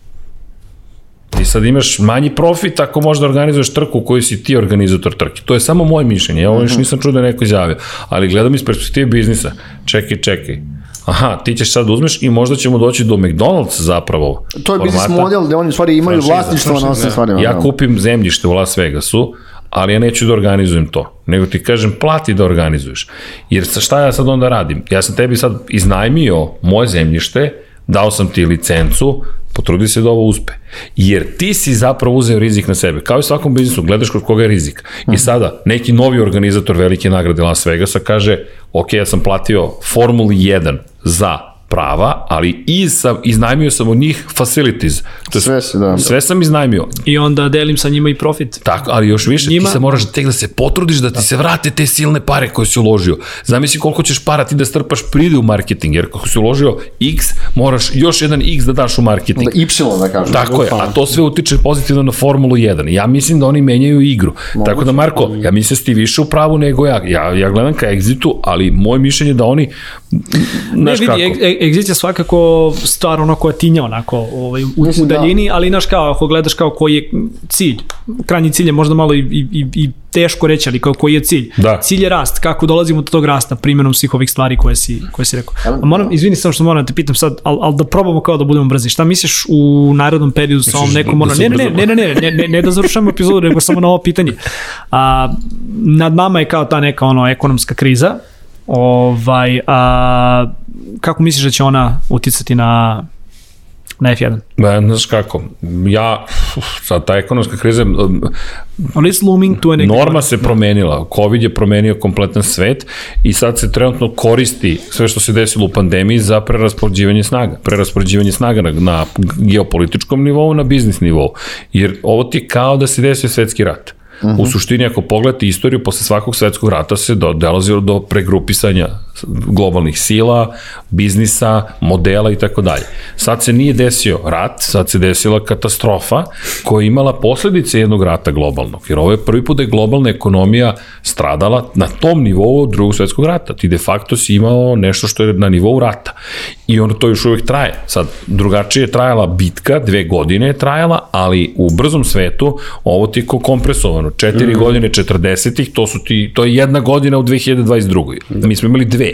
I ozbiljan udarac, pre čemu sad scene svugde skaču, inflacija mm. svugde postoji, mi manje više imamo alati da sve to rešimo, ali kao i uvek, kao dođe na vlast, da li na globalnom, lokalnom, regionalnom nivou, gleda kako da svoju, jel te, poziciju zadrži do zauvek i obezbedi svoje porodice, prijatelje, ortaki i tako dalje. To, je, to, to svugde funkcioniš. Kako će ovo uticati na Formulu 1? Iskreno ne znam. Ja mislim da oni ne moraju previše da brinu. Zašto? Zato što su i dalje nešto novo. Um, ono što bih ja negde volao da tvrdim ili što bih mogao da tvrdim jeste da sa tim nekim zaletom od ono kada je izašao Drive to Survive pa sa tim nenormalnim rastom taj rast je prosto veći nego što je, na primjer, ono, inflacija, pa kao čak i ono nekakav uticaj Slažem se. ove Slažem teže recesije na, na sam sport. Vidi, oni su Jedno će da nadjača drugo, ajde. Oni su da rasprodali ulaznice. A oni rade trenutno savršen posao i po pitanju pricinga, i po pitanju promocije, i po pitanju građanja priče. Ono što njima treba ove godine, sada, u nastavku sezone, je Ferrari. Zašto? Da. Mercedes i Hamilton nisu na tom nivou, Jest. a Ferrari je obožavan, pa je obožavan. Zamisli ako Leclerc sada počne comeback, uzvratni da. udarac, pa pobedi jedno, dva, e, Red Bull se dovoljno odvojio da sada može da se napravi ozbiljna, Pritom, ozbiljna ovaj, trka za, za prvo mesto. Prvo, prvo sa Ferrarijem što ne mogu... Leclerc i Verstappen, pa to je duo koji svi želimo da, da vidimo. Da, a sa Ferrarijem što ne mogu svoje rezultate trenutno iz kvalifikacija da prenesu u trku.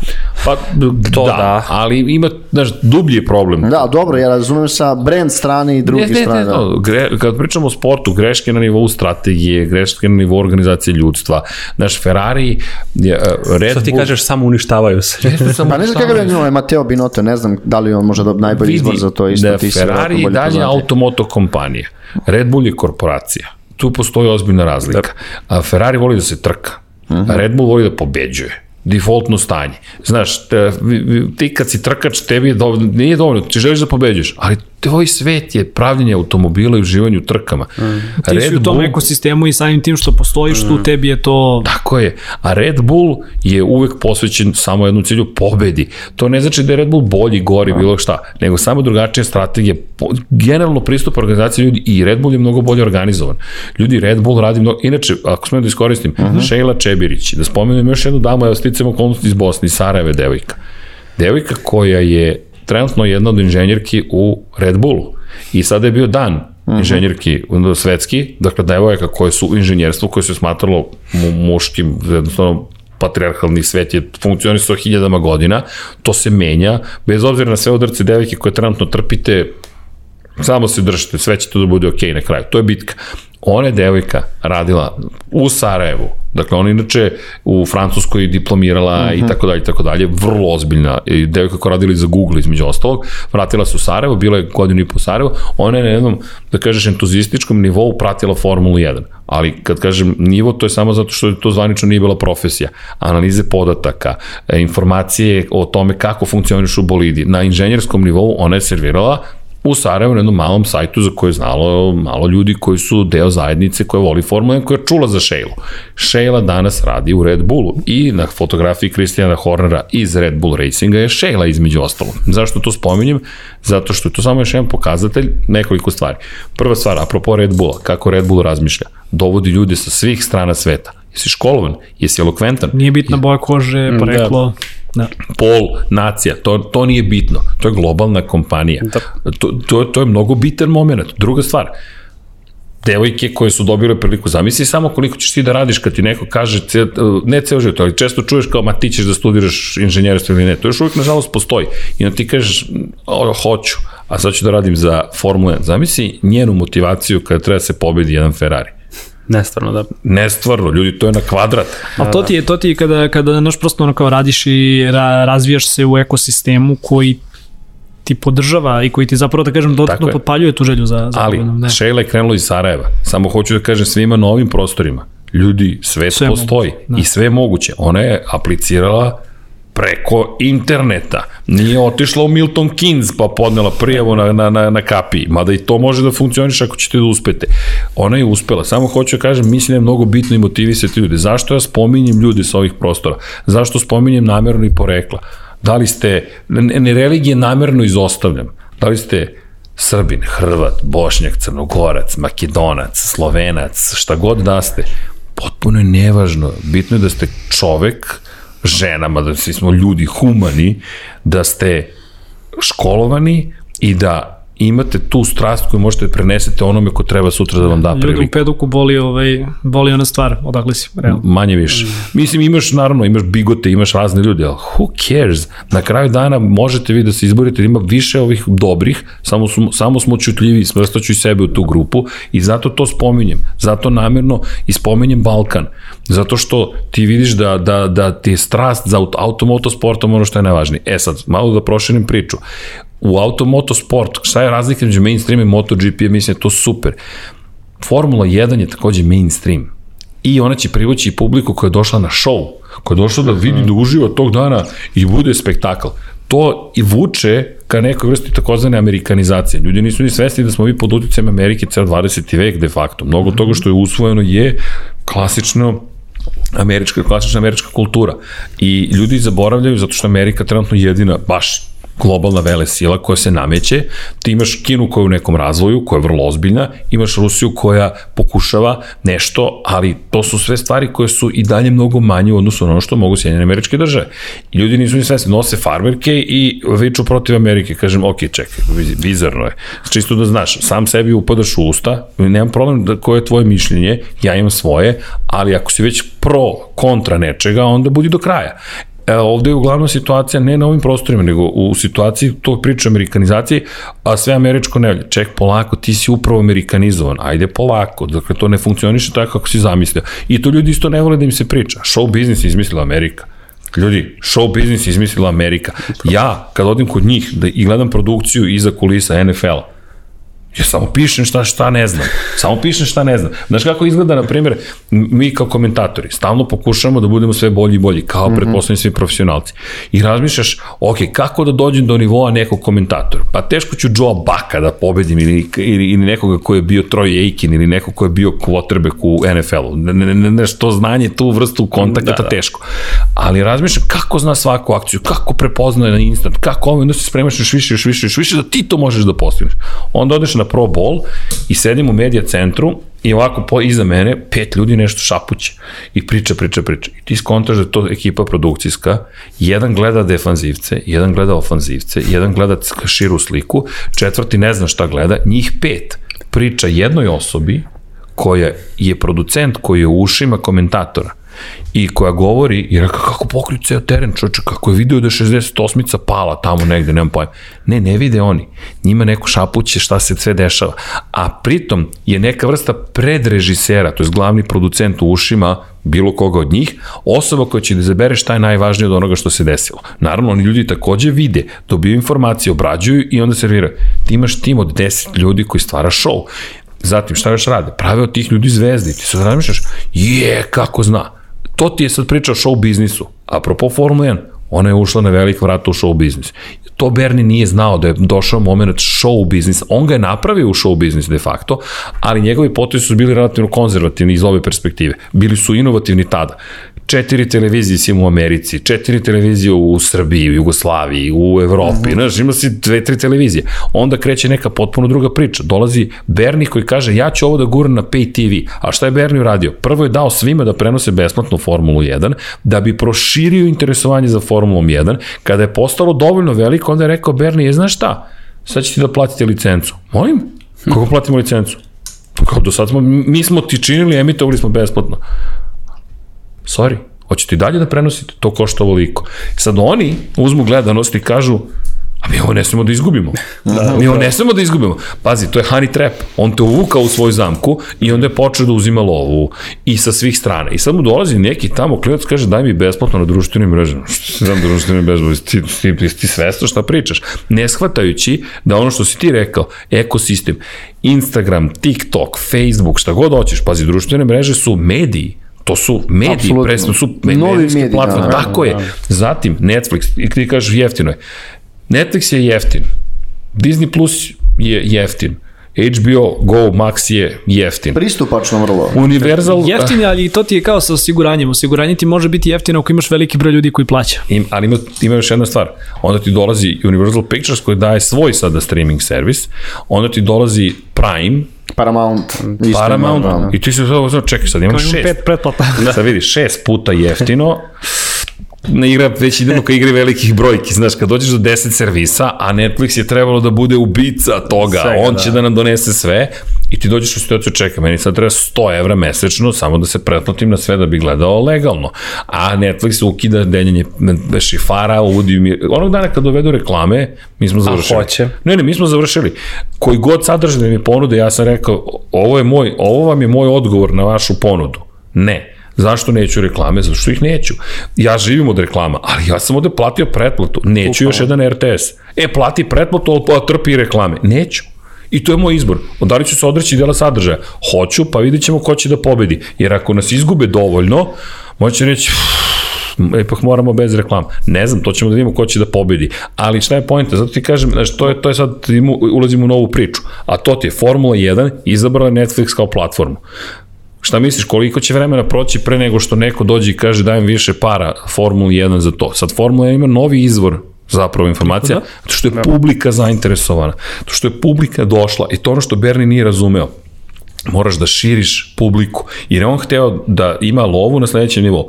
Oni koji imaju para, oni će da plate. Nekih je i manje. I šta si dobio? Krezube tribine. Dobio si prazne tribine. A sad zamisli kako ide spin. Ja mislim da ko, ili neko potpuno genijalan u Liberty mediji, ili imaju, kažem, kombinaciju sreće. Jer se pazi sad ovo. Ti sad čuješ da je 300.000 ljudi bilo u Barceloni za vikend. Ja želim da budem tamo. Čekaj, ja sam nešto propustio. Fear of missing out, čuveno pravilo FOMO, da. marketingu. FOMO čuveni. Ja nešto propuštam. Ne znam šta propuštam, ali nešto propuštam. A ako ne znaš, ti pogledaj Netflix. Aha, da pogledam Netflix. A onda, onda neko podvuče crtu u Formuli 1 i pošalje sponzoru, evo, vi imate ovde sponzora, bili ste na trci Da, bili smo Marko bio Marseille. njihov će znak ovde uvek da stoji, je li tako?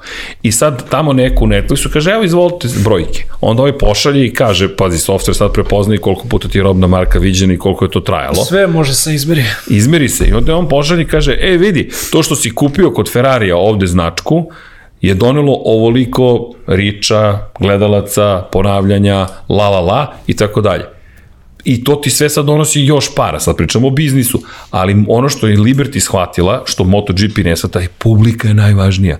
Bez publike stvarno ne postoji. Pri čemu?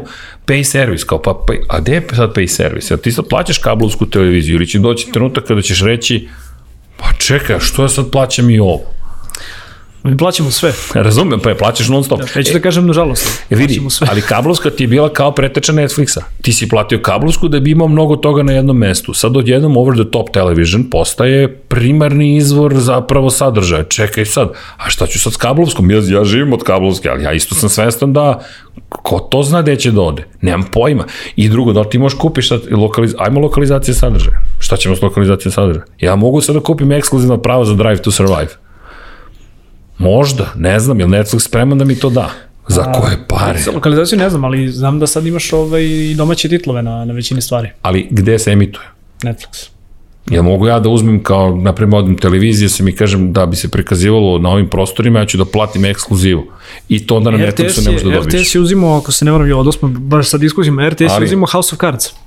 Drugačije je to bilo, da, to je nije, njihova ne. produkcija koja je nakon nekog vremena. Ako I je ekskluzivitet, za Ne, ne, ekskluzivitet... ne, ne, nešto i, i. Drive to Survive je ekskluzivno Netflixova produkcija. Tako A, je. jer Arena je uzela Last, uh, last Dance.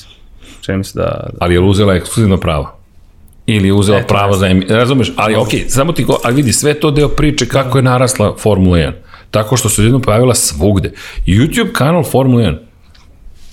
Skidam kapu. Da, ja pratim često. Da. Skidam ka, čoveče, oni su napravili ono što smo sanjali. 10 najboljih momenta iz trka. 10 ovoga, 10 onoga, dan kada je Kimi vladao. Ej, vidi, sve su ti dali, a ništa ti nisu dali. U smislu, da imaš celu trku. Sad ja odim gledam celu trku. F1 TV Pro. Ali ja ću rado da platim F1 TV Pro, zato što je teaser koji si mi dao toliko dobar, da sam ja fazonu, kao zaboravio sam kad je poslednji put pobedio, ne znam, ka, dan kada je, kada je Johnny Herbert pobedio na velikoj nagradi Velike Britanije. I go, idem da gledam, zašto? Što mi dosadno i hoću da gledam. Ima je sjajan istorijat i to baš onako jako, jako dobro koriste. Tako je. ovaj, Za, za prikazivanje momenta šta je pre Koliko- bilo, da. Koliko puta ste spomenuli storytelling? Dosta Ej, vidi, i, ja, Mirić kad me zvao, apropo blogomanije koju si spomenuo, kad me zvao i rekao, ej, ajde dođi da pričaš, uh, naslov će ti biti predavanje kako se pričaju najbolje priče. Ja sam rekao, što mene zoveš, za, za, za, bukvalno sam ga pitao, što mene zoveš?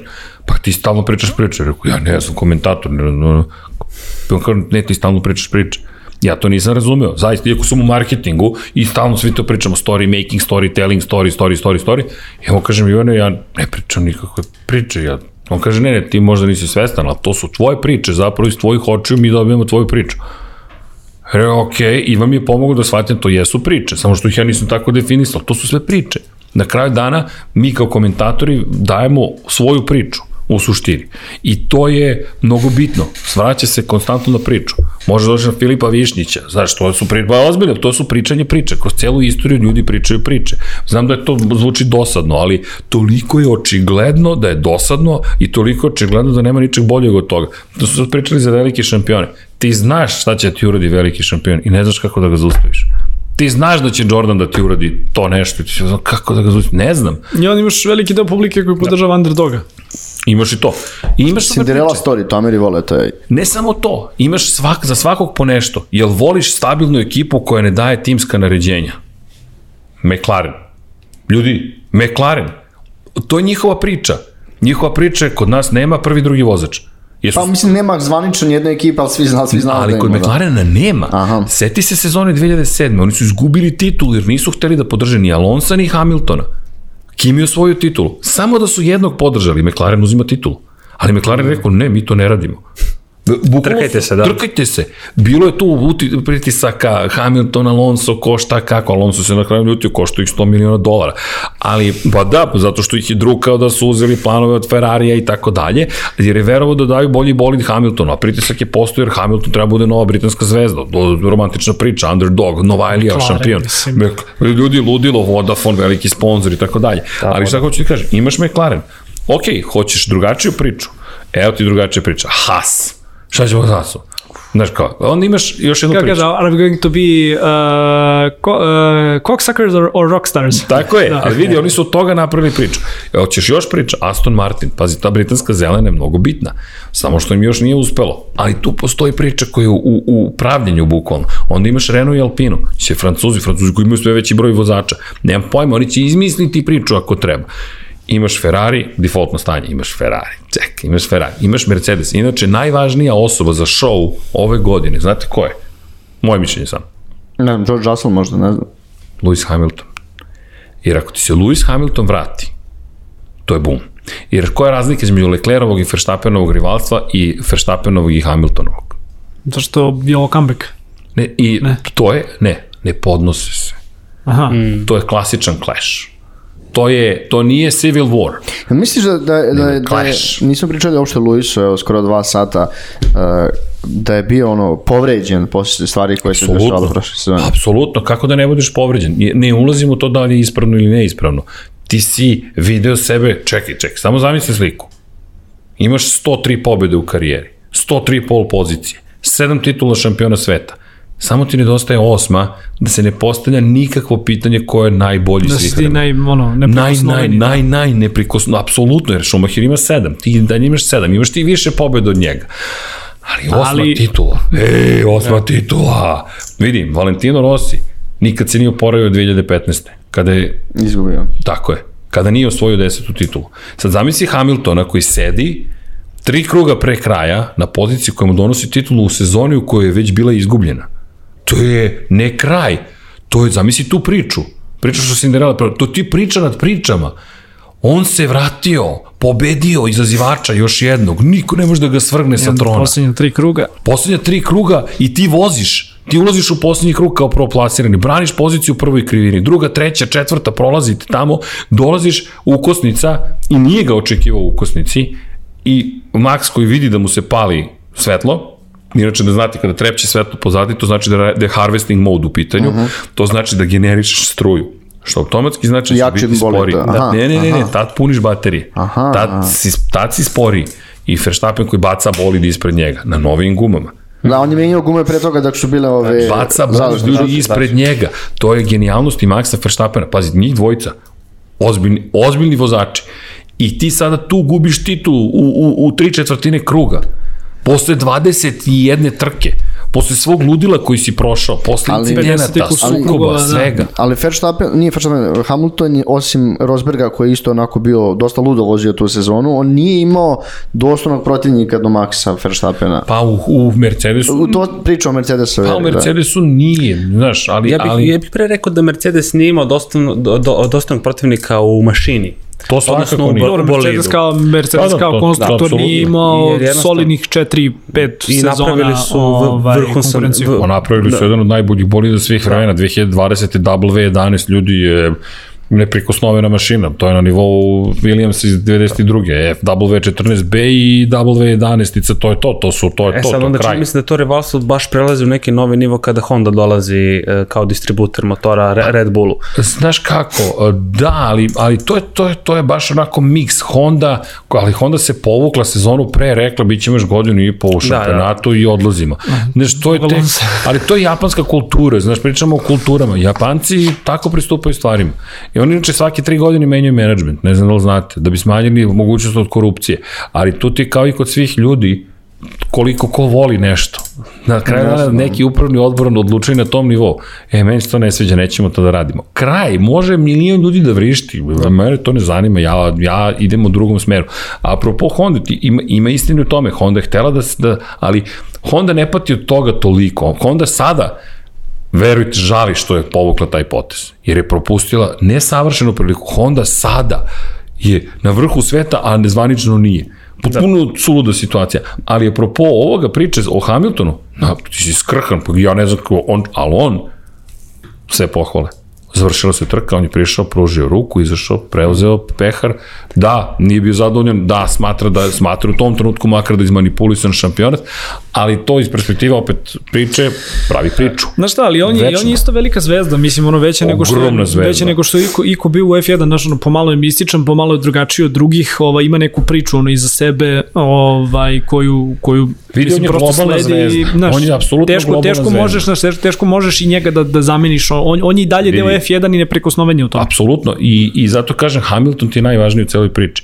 I ima još jedna bitna stvar. Hamilton je podjednako agresivan kao Verstappen. Ljudi samo zaboravljaju njegovu mladost. Da, Znaš, da. to je ono što je meni fascinantno. Jer Leclerc još nije ni bio u prvici da pokaže nužno tu agresivnost. Mi ne znamo, ne kažem da je to dobro, da je to jedino neophodno, ali samo si u situaciji da imaš čoveka koji Leclerc ima mentalitet pobednika, ali nije kao dvojica nekako, ili još nije imao priliku da to pokaže. To, to čekamo, znaš da vidimo. To jer vidi, čekam, jer, to su, jer vidi, e, šta je zanimljivo kod Jordana? Jordan je poštovao i Karla Melona i ne da. znam, no. Johna Stocktona i tako dalje. I njih je poštovao. Nije poštovao ljude koji nemaju iza sebe ono što treba da imaju da bi brbljali sa njime. Ali svaki put kada bi igrali, on se sa njima pozdravio. Međutim, ako se setite priče kada MVP postao Karl Malone, On je to shvatio li, kao ličnu uvredu. Čekaj, ti si drugar sa Karlom Melonom, ali kad je reč o biznisu košarke, molim, ti si bolji igrač od mene, nema šanse. To je isto, to je, to je mega lično zapravo. Kad ti kao jesi Znaš sad, Marko ja sedimo i kao sve da, super, da li, da li, ali... Da li čovjek može da se vrati posle, koliko, koliko mu je bila pauza u bejsbolu, godinu dana? Godinu da, godinu, kaže, da, da li čovjek posle godinu i po dana može da se vrati, kaže, njegove statue ispred ovaj, ispred stadiona. Znaš, pa mislim, vidi, znaš, ali on ti je, pazi, on je imao i stav, I'm back, to ti je kao poruka, kad on, on je došao da zastraši sve, pazi, meni je divan, još mi je bolji ceo taj serijal, kada pogled, pogledate na YouTube-u o Luku Longliju, dokumentarac. On je igrao sa Michael Jordanom nekim sezonama, bio je 13 visoki igrač. Tako je. Luke Longley se ne pojavljuje nigde skoro. Luke Longley se čak šalio kad se vidi u kadru u pozadinu, evo me, sa svojom čerkom. Australijska televizija je pozvala Luka Longley i rekla, hoćemo da čujemo tvoju priču, ti si deo tog drugog šampionskog serijala. Nigde ga nije bilo. A Luke Longley odigrao neku ulogu u tome. I ono što meni bilo fascinantno, Longley koji je pisao Jordanu, pisao Pippenu, pisao i Steve Keru i rekao ljudi, da li biste se odazvali pozivu australijske televizije da snimi za dokumentarac koji priča o meni.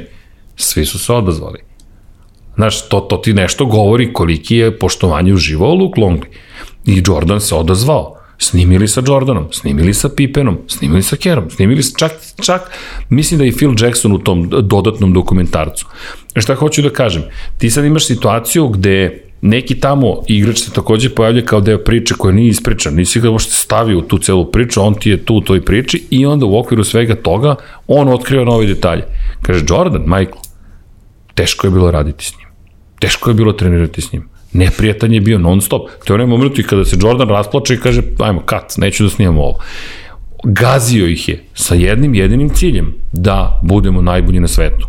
I bili su najbolji na svetu. Sad, nekome to Too much. Nekome nije, mm. tako je. Sad, Verstappen, ja ne znam da li on ima potrebu da gazi Red Bull. Meni deluje da Red Bull dosta onako dobra mašina gde nema potrebe ti nešto pa jasno da gaziš. Tvoje da dođeš i da voziš. To su se vremena promenila. Hamilton, da li on treba da gazi Mercedes? Ne deluje mi tako. Onda njihova ta agresivnost, pošto imaju platformu da nema potrebe za time, ide jedan na drugog. Charles Leclerc još nisam video to. Jer vidi, Schumacher danas, da li bi imao potrebe da ode i da gazi ljude u Maranelu? A gazio ih je jer je morao Dakle, on je morao da dođe svaki dan u Maranelo, da ih inspiriše, ako ne da ih, da ih pritiska, ali to je isto pritisak. Ti dođeš na posao, ti si sad neko ko je zadužen za neki inženjerski deo i sad ti ušete Schumacher. Ja, ti za njega praviš taj deo. A on je tu, u fazonu, who's the boss? Znaš, to je pritisak, ali si dobio pet titula za redom. I to je period koji se neće ponoviti, verovatno. Mislim, izvini, ali sve su toliko izmešane stvari. Jasno, jasno, jasno.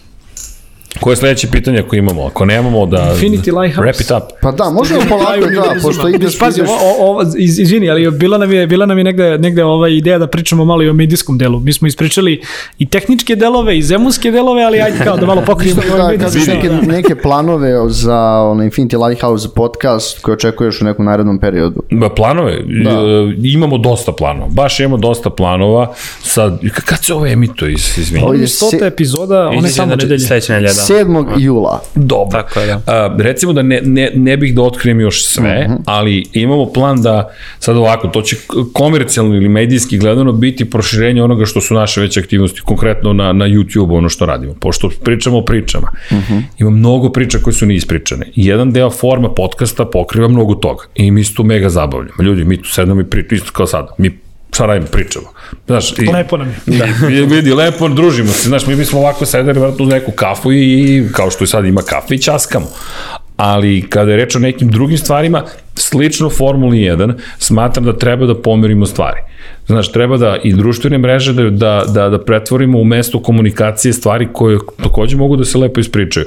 Ne, nismo nesvesni da, da to takođe pomaže tome da ljudi znaju da je mesto za te stvari koje mi želimo da podelimo Infinity Lighthouse. Pre čemu? Ideja je da inspirišemo i druge. I medije takođe da se pokrenu.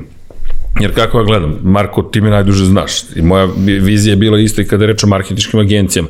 Ljudi, ako želimo da živimo od toga, pa da pričamo o komercijalnim stvarima, ako imaš parče pasulja, taj pasulj neće se deliti baš mnogo. Ako napraviš neku lepu tortu, tu imamo nešto i da podelimo većina ljudi ne može da ode, da, da, da obaci do tog strateškog razmišljanja i onda daj odmah to sve moje, ja jedini, ja jedini. Čekaj polako. Ajmo svi zajedno da radimo na tome da ljudi vide ono što mi vidimo u Formuli 1 i MotoGP ili u svemiru ili u NFL-u i da to poraste toliko da svako ima svoje mesto pod suncem. U smislu da ljudi kod Infinity nađu nešto, kod nekog drugog nešto drugo, kod nekog trećeg nešto treći i tako dalje. E sad, iz te perspektive ja gledam da ovo treba da bude nešto što priča još više priča. Apropo knjiga, možete i sami da nastute, kupili smo još prava, nadam Čekamo. se da će nam proći aplikacija, prijavili smo se za sajn knjiga, tako da nadamo se da će proći aplikacija, to, će nam, to nam je veliki moment, to smo ako zaokružili velikim slovima, da izađemo kao izdavač na sajn knjiga, jer to je za nas novi medij, koliko god sam ja bio u novinama nekad davno izdavanje knjige je nešto potpuno, knjiga je potpuno druga priča. I vo, volim da i to spomenem, to nam je plan, želim da budemo ponosni kad dođe oktober i kažemo, ej, Infinity Lighthouse je na sajmu knjiga, jer to je put od neke tri godine, od momenta kada je prvi put pala na pamet neka ideja da nešto postoji, da ti i na taj način budeš prisutan. Jer mi smo izašli iz digitalnog sveta. Znaš, a ne, ne bežimo digitalnog naprotiv, samo što je to za nas mnogo bitan moment. Kada je reč o, o, o stvarima koje ćemo raditi na kanalu, planiramo baš puno toga da uradimo, planiramo takođe da sve što radimo iz perspektive novih sadržaja bude i na sajtu prisutno dve stvari, da ljudi mogu da pročitaju, da mogu da odvoje vreme i naravno druga stvar da se proširi što više priča o tome šta radimo, jer na taj način verujemo da će još više ljudi doći u kontakt sa nama, to su nam ideje. Da, da, to su nam neke od glavnih ideja i što se tiče merchandise to ćemo isto da radimo. Sad znaš kako sad smo ušli u fazon a čekaj ovaj kačkice nosi već neko vreme šta su mu mane kako možemo da napredi vidi da, kao formulu napređuješ napređuješ da, da, boli da. Stalno znaš stalno znaš model, model za 2023 pa to, to, to, da li pamuk dovoljno dobar koliko pranje je sada izdržao da li treba sa čovekom koji proizvodi majice sednemo kažemo može to drugačije. Možete kragnicu pa samo mali znak. a da li će to da podigne cenu? Da li je pa, to onda pristupačno da, ili nije? da, razumeš da. to su ti sada sva ta razmišljanja mišljenja, ali su lepe stvari odjednom sve ono što sam radio za druge kao čovjek iz marketinga. Da za sebe. Tako je. Da. I mnogo mi je zabavno ono što nisam shvatio iskreno da to radim zapravo, jer u početku sam radio neke stvari intuitivno, instinktivno, a onda dođeš u situaciju i kažeš čekaj, aha, pa čekaj, zar nismo ovo radili za klijenta XYZ, otprilike pred 10 mm. godina, kao pa jesmo, pa čekaj, znam tu strategiju. Skopaš stari tako kontakt. Je, tako je, znam šta treba no da uradimo. A poenta jeste da post, ne da budemo samo samo održivi, poenta mi jeste da, da zarađujemo toliko novca kada pričamo o komercijalizaciji, dakle, aspekt sadržaja je najveća radost. Fokus mora da bude na tome da mi publici damo naše priče. E, ja tu imam onako podeljena mišljenja, gledaš šta publika želi, šta voli, naravno, ali moraš da kažeš šta si ti, ko si ti. To je ono što je najvažnije. Jer u suprotnom ćeš doći u situaciju, aha, krenuli smo od toga da mi pričamo naše priče, onda dođeš do toga da slušaš publiku i želiš da ispričaš ono što ona želi da čuje od priča, ali ako ti dođeš do toga, da zaboriš ko si ti i samo se povinuješ interesu ili inter, mišljenjima publike, to onda više nisi ti. I to je, mislim da je mnogo bitna stvar, da mi tu, jer mi u jednom trutku nismo ni očekivali neke stvari, iskreno stvarno nismo neke stvari nismo očekivali koliko da nas raduju. Znaš, meni je bilo fascinantno kada je mnogo, mnogo mladih ljudi konstatovalo da mi postojimo uopšte. Zašto bi neko sa 17, 18, 19, 20, 20 godina slušao nas? Kako si zadovoljan communityjem generalno? Mislim, Ma fenomenalno. Sa ono, Lab 76 kao da kažem podcast koji je baš ono, namenjen ljubiteljima ono, motosporta. Ja sam fasciniran, iskreno. Fasciniran sam čak i u ovom vremenu gde, je, gde se forsira podela, agresivnost, direktni sukobi ljudi su toliko pristojni da je to meni jedno od najvećih zadovoljstava. I između ostalog dobijemo puno povratnih informacija, hvala vam što ne psujete, na primjer. To stalno ponavljam, hvala što ste pristojni.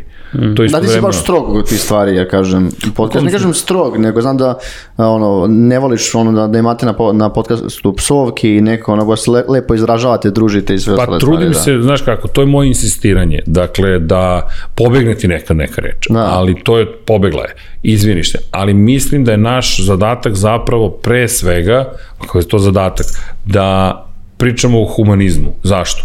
Duboko verujem upravo u to. Jer ako je svako za sebe, ja, ja, ja, ovo je samo moj pogled na svet. Ja u tom svetu ne bih da učestvujem, iskreno.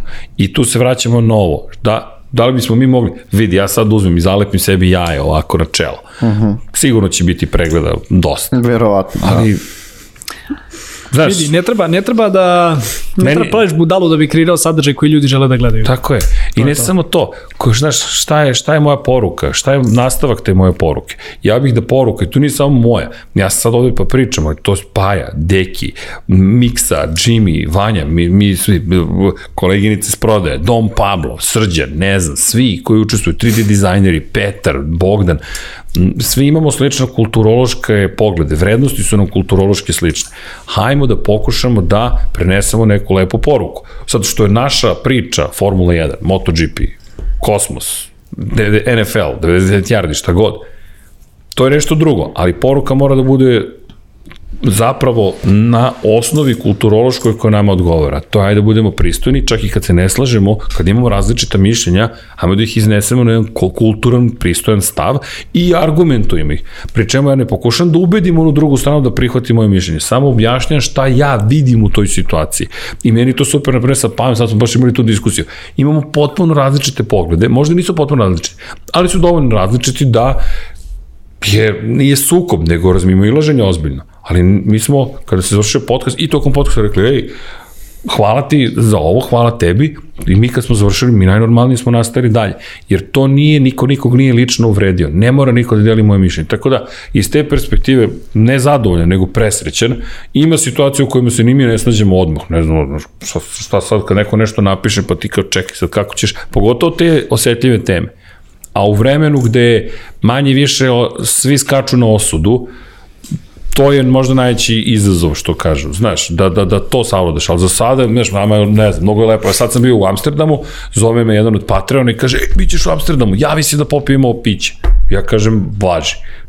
Nađeš se s čovekom, mm gde mi kao da se znamo hiljadu godina, da. pričamo Formula 1, MotoGP, to je trajalo sat vremena, hvala Nebojša, hvala Crki, čao, čao, i to je to. Koliko su on ti novi kanali, ono, poput Patreona, poput ono, mercha, poput drugih nekih stvari, mislim, ono, Infinity je zaista prestao jedno, ono, ozbiljnu medijsku kuću, nezavisnu medijsku kuću Hvala. i kao jako mi je drago Hvala. da je to tako, ali znaš kao ono, radite sve te neke stvari koje ono školski treba da se odrade, da ono bi imao jedan nezavisan medij i da možeš da budeš na kraju dana sam svoj grad. Tako je. Ali ono što hoću isto tako da te pitam sad kad smo se što dotakli i ove medijske stvari, koliko su ti ono Patreon, tako ti neki drugi kanali, koliko zapravo veruješ u, u, u zajednicu koja te na taj način ono podržava da bi ti radio svoj posao i da bi, i da bi kreirao sadržaj koji, na koji oni delimično mogu da utiču, ali opet sadržaj u koji ubacuješ sebe? Pa, oni su nam najvažniji. I to nije podilaženje.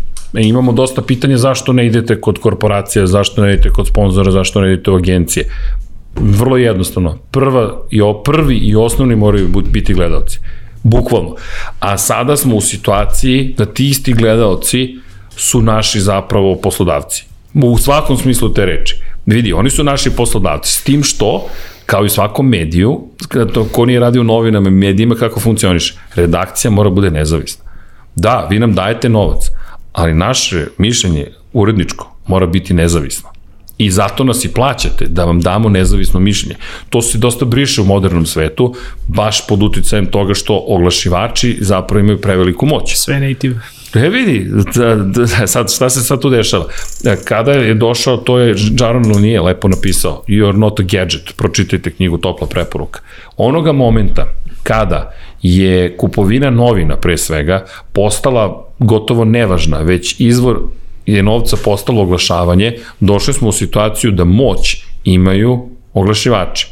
Do onog trenutka kada si ti plaćao za svoju novinu i od toga živele novine, te novine su mogle da budu nezavisne od oglašivača. Jer, ako sam ja veliki oglašivač, a ti sada treba da napišeš nešto protiv mene, ja ću samo kažem, nema budžeta. Ako nema budžeta, nema mene, ne postoji novina. Aha, dakle sad pravimo kompromis. Kompromis čega? Kompromis u nezavisnosti medija, a to je osnova svakog razvijenog društva. Neću da ulazim uopšte opis demokratskog ili ne, razvijenog društva. To je sloboda izražavanja medija. I onda mi imamo, na, ja stvarno, apsolutno ću da ih hvalim na sve načine, neverovatne Patreone, nama oni omogućavaju upravo to da ja ne moram da patim od toga, da odem, da jurim ugovor sa jednom velikom korporacijom, koja sutra može da mi kaže, pa znaš šta, sad bih ja da napraviš podcast u kojem ćeš da radiš ovo, ili ćeš da se ponašaš ovako, ili ćeš da... Pri... Ne, neću. Ne, neću. Znate zašto? Moraš da nosiš majicu sa mojim logotipom ili moraš da Tako da spomeneš da. Ne moram. Ne moram. Ja mogu ako želim, ali ne moram. I ja ću da nosim, hvala Patreonima, da nosit ću nešto drugo. Oni na, su naš izvor zapravo života. Kad neko kupi kačkit, kupi knjigu, kupi majicu, taj neko nama daje nezavisnost, daje nam slobodu.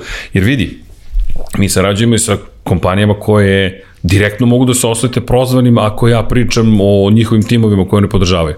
Ali iskreno, ni jedna kompanija mi nije reč rekla po pitanju uredništva. Jer svaki prvi sastanak je sve ok, ne mešate se u uredništvu. Svi kažu ne mešamo se u uredništvu. I to isto dobro, ali moraš i ti da postojiš, jer ljudi imaju nažalost potrebu za autopoltronizmom. Veliki broj medija radi stvari kojim niko nije tražio nego defaultno stanje. Ja nategnem klijenta na svoju glavu i šlihtam se. Nemoj to da radite, ljudi. Mi kao novinari, bukvalno smo dužni. E, sad su me zvali na filozofski fakultet u Nišu. Ja rekao, sad, šta, šta je prvi, prva preporuka nama kao budućim novinarima? Zaradite pare. Zašto? Pa ne ozbiljno, ako tvoj sagovornik može te vodi na večeru, a ti nemaš platiš tu večeru, ti si u problemima. Moje kolege se sve šokirali što pričamo o parama. Pa kako deca misle da će doći sutra? Sutra ako si u unutrašnjoj politici, šta dođe neko ko je ili političar ili kriminalac ili uticajni biznismen ili kako želiš da ga zoveš, plati ti večeru i, sutra, i ti sad si ponižen de facto jer ti ne možeš da platiš tu večeru, on može i sad ti se ili ja. postao njegov patrljak, jednostavno on ti plaća večere, za šta, za 100 evra te kupuje. Deco, zaradite pare a onda dolazi Patreon, a onda dolazi nezavisnost medija, a onda dolaziš do toga, a što bih ja bio vašoj izdavačkoj kući? Evo ja ću budem izdavačka kuća. Kako?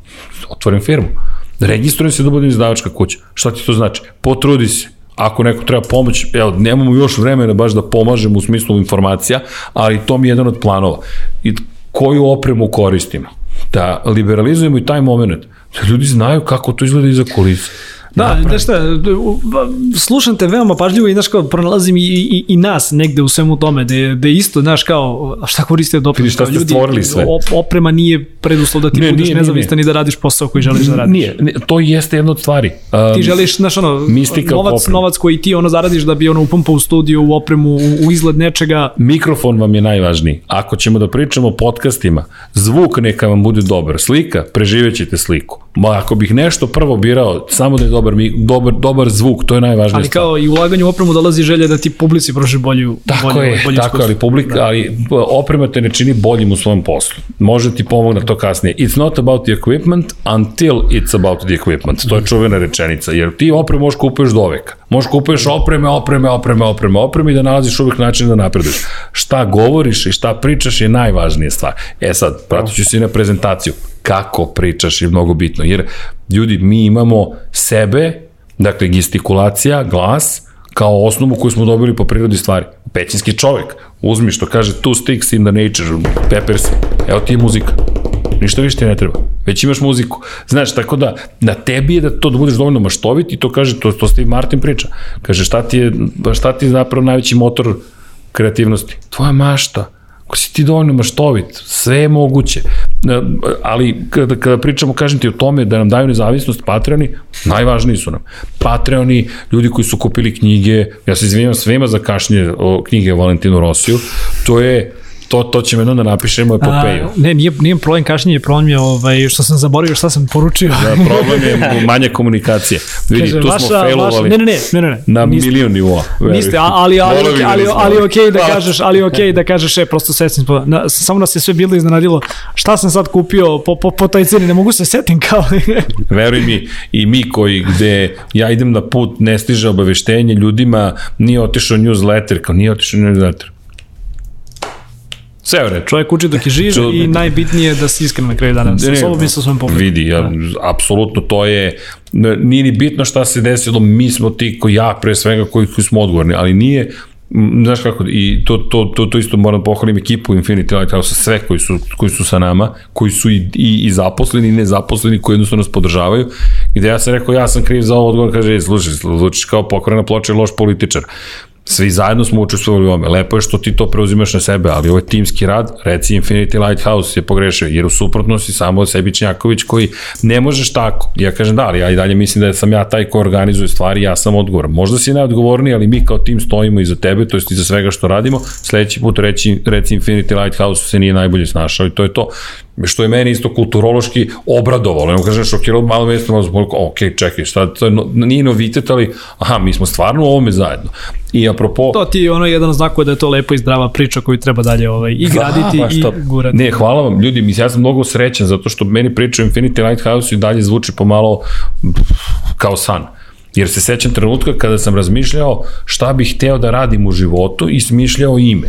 I hteo sam zaista, ovo nije jeftina korporativna neka priča. Mi nismo korporacija, sam da nikad nećemo postati ta vrsta korporacije, već ako se korporatizujemo da je to nešto zdravo, ako ne znam da je to uopšte moguće, ali nadam, ja verujem da jeste. Gde sam razmišljao o misiji i viziji.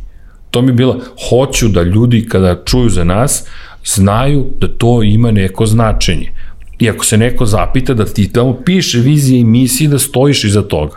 Jer znam koliko puta sam kao konsultant ljudima govorio, ljudi zaboravili ste zašto uopšte postojite. Ako vam je novac cilj, već ste pogrešili. Novac se podrazumeva. Mi ne živimo, nažalost, ne živimo u svetu gde je dovoljno naberi lišće i bit će sve u redu. Novac se podrazumeva. Šta to znači? Ako ste ljudi stvorili DOO, ako ste stvorili a, pre, preduzetničku ra, radnju, kako se to sad već zove, dakle, ako ste bilo šta uradili što je tog tipa, ono je po defaultu u svojoj biti pravljeno da stvara novac. Dakle, novac se podrazumeva. Poslovni plan je novac, ali to vam nije cilj. Zašto? Zato što se novac podrazumeva. Vaš cilj treba da bude da stvorite kao vi, što stvarate Najbolje priče, to je moje mišljenje za medije generalno. Priče, koje priče? Pa to je sad već vaša tema, vaš izbor. Ali vizija, misija su uvek slične po tom pitanju. Da, proširimo znanje, unapredimo svet, pomerimo granicu, uradimo ovo, uradimo ovo. Zašto je to bitno? Zato što onda znaš, ako si sebi rekao, svi hoće poprave svet, naravno, to, svi, svi to hoćemo. Ali ako mi kažemo sebi da mi želimo da neke stvari popravimo, ti onda to imaš kao nešto što ti zvezda vodilja, gde onda samog sebe moraš da držiš samokritičnim i kažeš čekaj, ovo je suprotno onome što smo mi rekli da ćemo uraditi teška srca, znaš, kažeš, ok, znaš, ovo će da nas košta gledalaca ili nečega, ali hej, moraš se držiš onoga što si rekao da iza toga, što se zove stav. I onda misija, i zato je bio Infinity Lighthouse, bio sam na moru, i i razmišljam, baš bol na braču, bio s mhm. devojkom i, i razmišljam, sedim ispred letnjeg kina, jel te, i to je neki moj happy place, ja sam tako odrastao prosto i ovako sedim i razmišljam šta bih ja, kako bi to moglo da se zove, kakvu poruku to da šalje i onda razmišljam svetionik. Jer meni svetionik uvijek bio zna, uvijek si mogao da me nađeš kod svetionika. Zašto? Zato što sam uvijek volio da ga posmatram je liste i tako dalje. I zna se, ja sam kod svetionika. Onda razmišljam koliko je svetionik divna stvar on ti je tu i kada je sunčano, ti ga vidiš. I kada je mrak, ti ga vidiš. Kada je bura, ti ga vidiš. Kada su oblaci, ti ga vidiš. Kada je magla, ti ga vidiš. Ne moraš da ideš tamo. Niti on nikakva obaveza. On ti samo, ja sam ovde. I ja ću biti tu. Ja sam tu, pa sam tu. Ako hoćeš, na primjer, kažeš, ej, tamo je dobra ekipa, znam prave dobre večere ili dobre su žurke, idem u tu luku. Drugo, uvek ti je otvoren izlaz. Uvek možeš da izađeš iz toga. Možeš kažeš, ej, Bilo lepo, super, drugari, vidimo se, čao, čao. A ako se vratiš nekad, mi smo i dalje tu. Znaš, to je meni neka vrsta poruke, mi smo tu pa smo tu. A onda Infinity... Jako, jako lepa metafora, da. da je. Zaista, to mi sam razmišljao, daš, da, da ti kažem, ne moraš ništa, mi te ne teramo, ni da ostaneš, ni da dođeš, ni da odeš, ali mi ćemo biti ovde i mi ćemo da radimo ono što se u našoj luci nama radi. Sad mi želimo da budemo dobri ljudi, mi ćemo pričati moje priče. Pa ako ti dođeš strava, dobro nam došao, ali budi dobar nemoj da budeš loš. To je, to je, po, ili ako hoćeš da, e, nije problem suprotno mišljenje, to je u redu, samo nemoj da budeš loš čovek, to, to je neka težnja i onda Infinity, ajde da bude nešto beskonačno, ja imam taj trip sa brojevima, osmica mi je stalno u glavi bila, i da nešto nam osmica rekao, ajde da bude Infinity, i onda sam razmišljao, će da bude mistično previše, i kako sam baš me briga, nek se tako zove, i onda priča Lab 76, aha, ajmo neki krugovi, nešto, vrtimo se u krug. Meni to, meni je krug zapravo oznaka za, za, za to. 99 yardi, zašto stavio 99 yardi? Pričam sa ekipom i kažem, ljudi, neku poruku mora šalje naziv. Ajde da bude, to je 99 yardi si prešao, a mi smo onaj jedan yard koji ti još treba za touchdown. Evo, nek ti mi budemo taj jedan yard i onda je to 99 yardi. Ti si došao sad i naš četvorica ćemo to. To su mi bile razmišljenja. Za Kosmos 76 to mi je nekako ostalo 76, ali moram smisliti neki bolji. Ne bolji, nego drugi broj, malo ti bude svoj. A moram odmah da te pitam, šta predstavlja broj 76? Ja sam rodio 76. godine. Aha, ali aha, predstavlja aha. kombinaciju stvari. Nije ego trip toliko koliko nisam mogao da nađem broj koji nijedan vozač ne koristi. Aha. I onda smo išli po brojevima, ovaj koristi, ovaj koristi, ovaj koristi, ovaj koristi, ovaj, i sad, i sad dolazim 76 stoji, ja sam da li da stavim 76, baš sam se dugo razmišljao o tome, da, Lap 8 ili Lap 8, to smo izbjegli jer smo imali, čak smo napravili jednu trenutku kompaniju koja je trebala da se bavi, ajde, igricama i tako dalje, Stellar 8, Stellar 8, jer Stellar 7, ne znam da ste igrali nekad, to je ne, stara igrica, aha. to kum ja smo igrali, ja uvijek vučem te neke, nešto neko značenje ima makar za mene, i kao Stellar 8 je nastavak Stellar 7, jer znaš kao, to je sad ono što smo radili tada, ovo ćemo da radimo sada. I Stellar 8 je bio neuspeh zato što su mi ljudi govorili, a, Stella, o, Stella Rosa, aha, crvena zvezda, ja kao, wow, to mi nije palo na pamet, da će ta kombinacija da nastane. Onda sam osmicu razmišljao, da, ne, i hteo sam dva broja i onda smo rekli, drugarica mi rekla, Ivana, kaže, 76 je u redu. Ja kažem, a, a, da, da, da, ne rekao, ali ajde, neće mnogo ljudi valje da zna, razumeš? I onda smo uzeli 76 i lepo se složio broj. Jeste, jeste, I da, Brđe to je. kad je napravio, rekli smo, ne, to je to, ne diraj. To je to. Ništa ne diraj, znaš što je zanimljivo? Mi izbacimo Lab 76, dva meseca kasnije Formula 1 prezentuje isti ovakav A, sa brojem novi. 70. Da, jeste, Da, da, da, nema, da, da, da. Kako se ima kao, ok, kao, čekaj, a mi imamo tri Čekaj, ko je linije. koga kopirao, Ko je da. koga kopirao, da, da, da, bilo je, bilo je, ali to su simpatične stvari. I uvek, uvek mislim da treba da ima broj, to je, a to je samo moje mišljenje, i nisam hteo imena, niči nije naš podcast, nije Pajn, nije Srđano, nije Dekiv, jer gledali smo mi Joe Rogan, naš Joe Rogan Experience. Ja sam, ljudi, to je toliko lično, ovo treba da bude veće od pojedinca, ovo treba da bude ideja, koncept, volim trkanje i ovo je moja neka oznaka da ja volim trkanje. Eto, to, to mi je bila ideja. Kao Pazi, sa Lab i, 76. isto i naše razmišljanje je bilo kao Office Talks.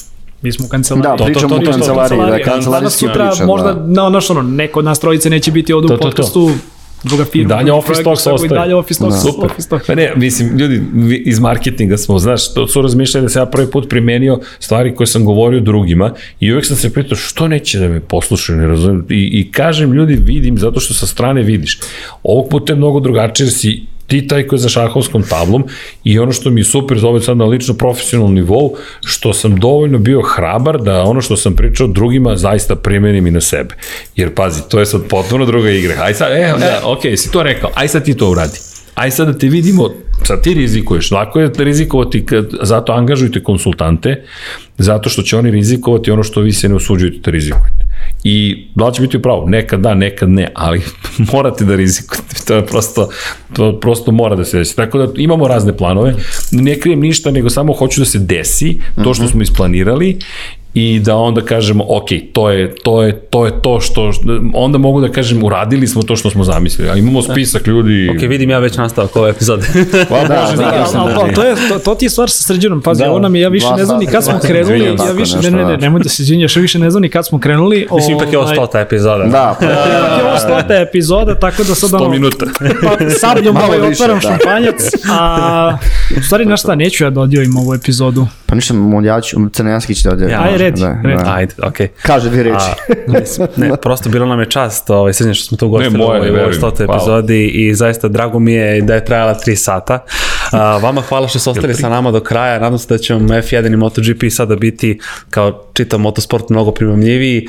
Hvala vam što ste ostali sa nama do kraja, podsjetnik samo da uh, Office Talks možete pratiti na YouTube-u, da se pretplatite kako biste bili u toku sa novim epizodama, uh, dok uh, ovaj podcast možete pratiti na audio kanalima kao što su Google Podcast, Deezer, Spotify i drugi. Mi se vidimo u nekoj od narednih epizoda. Pozdrav!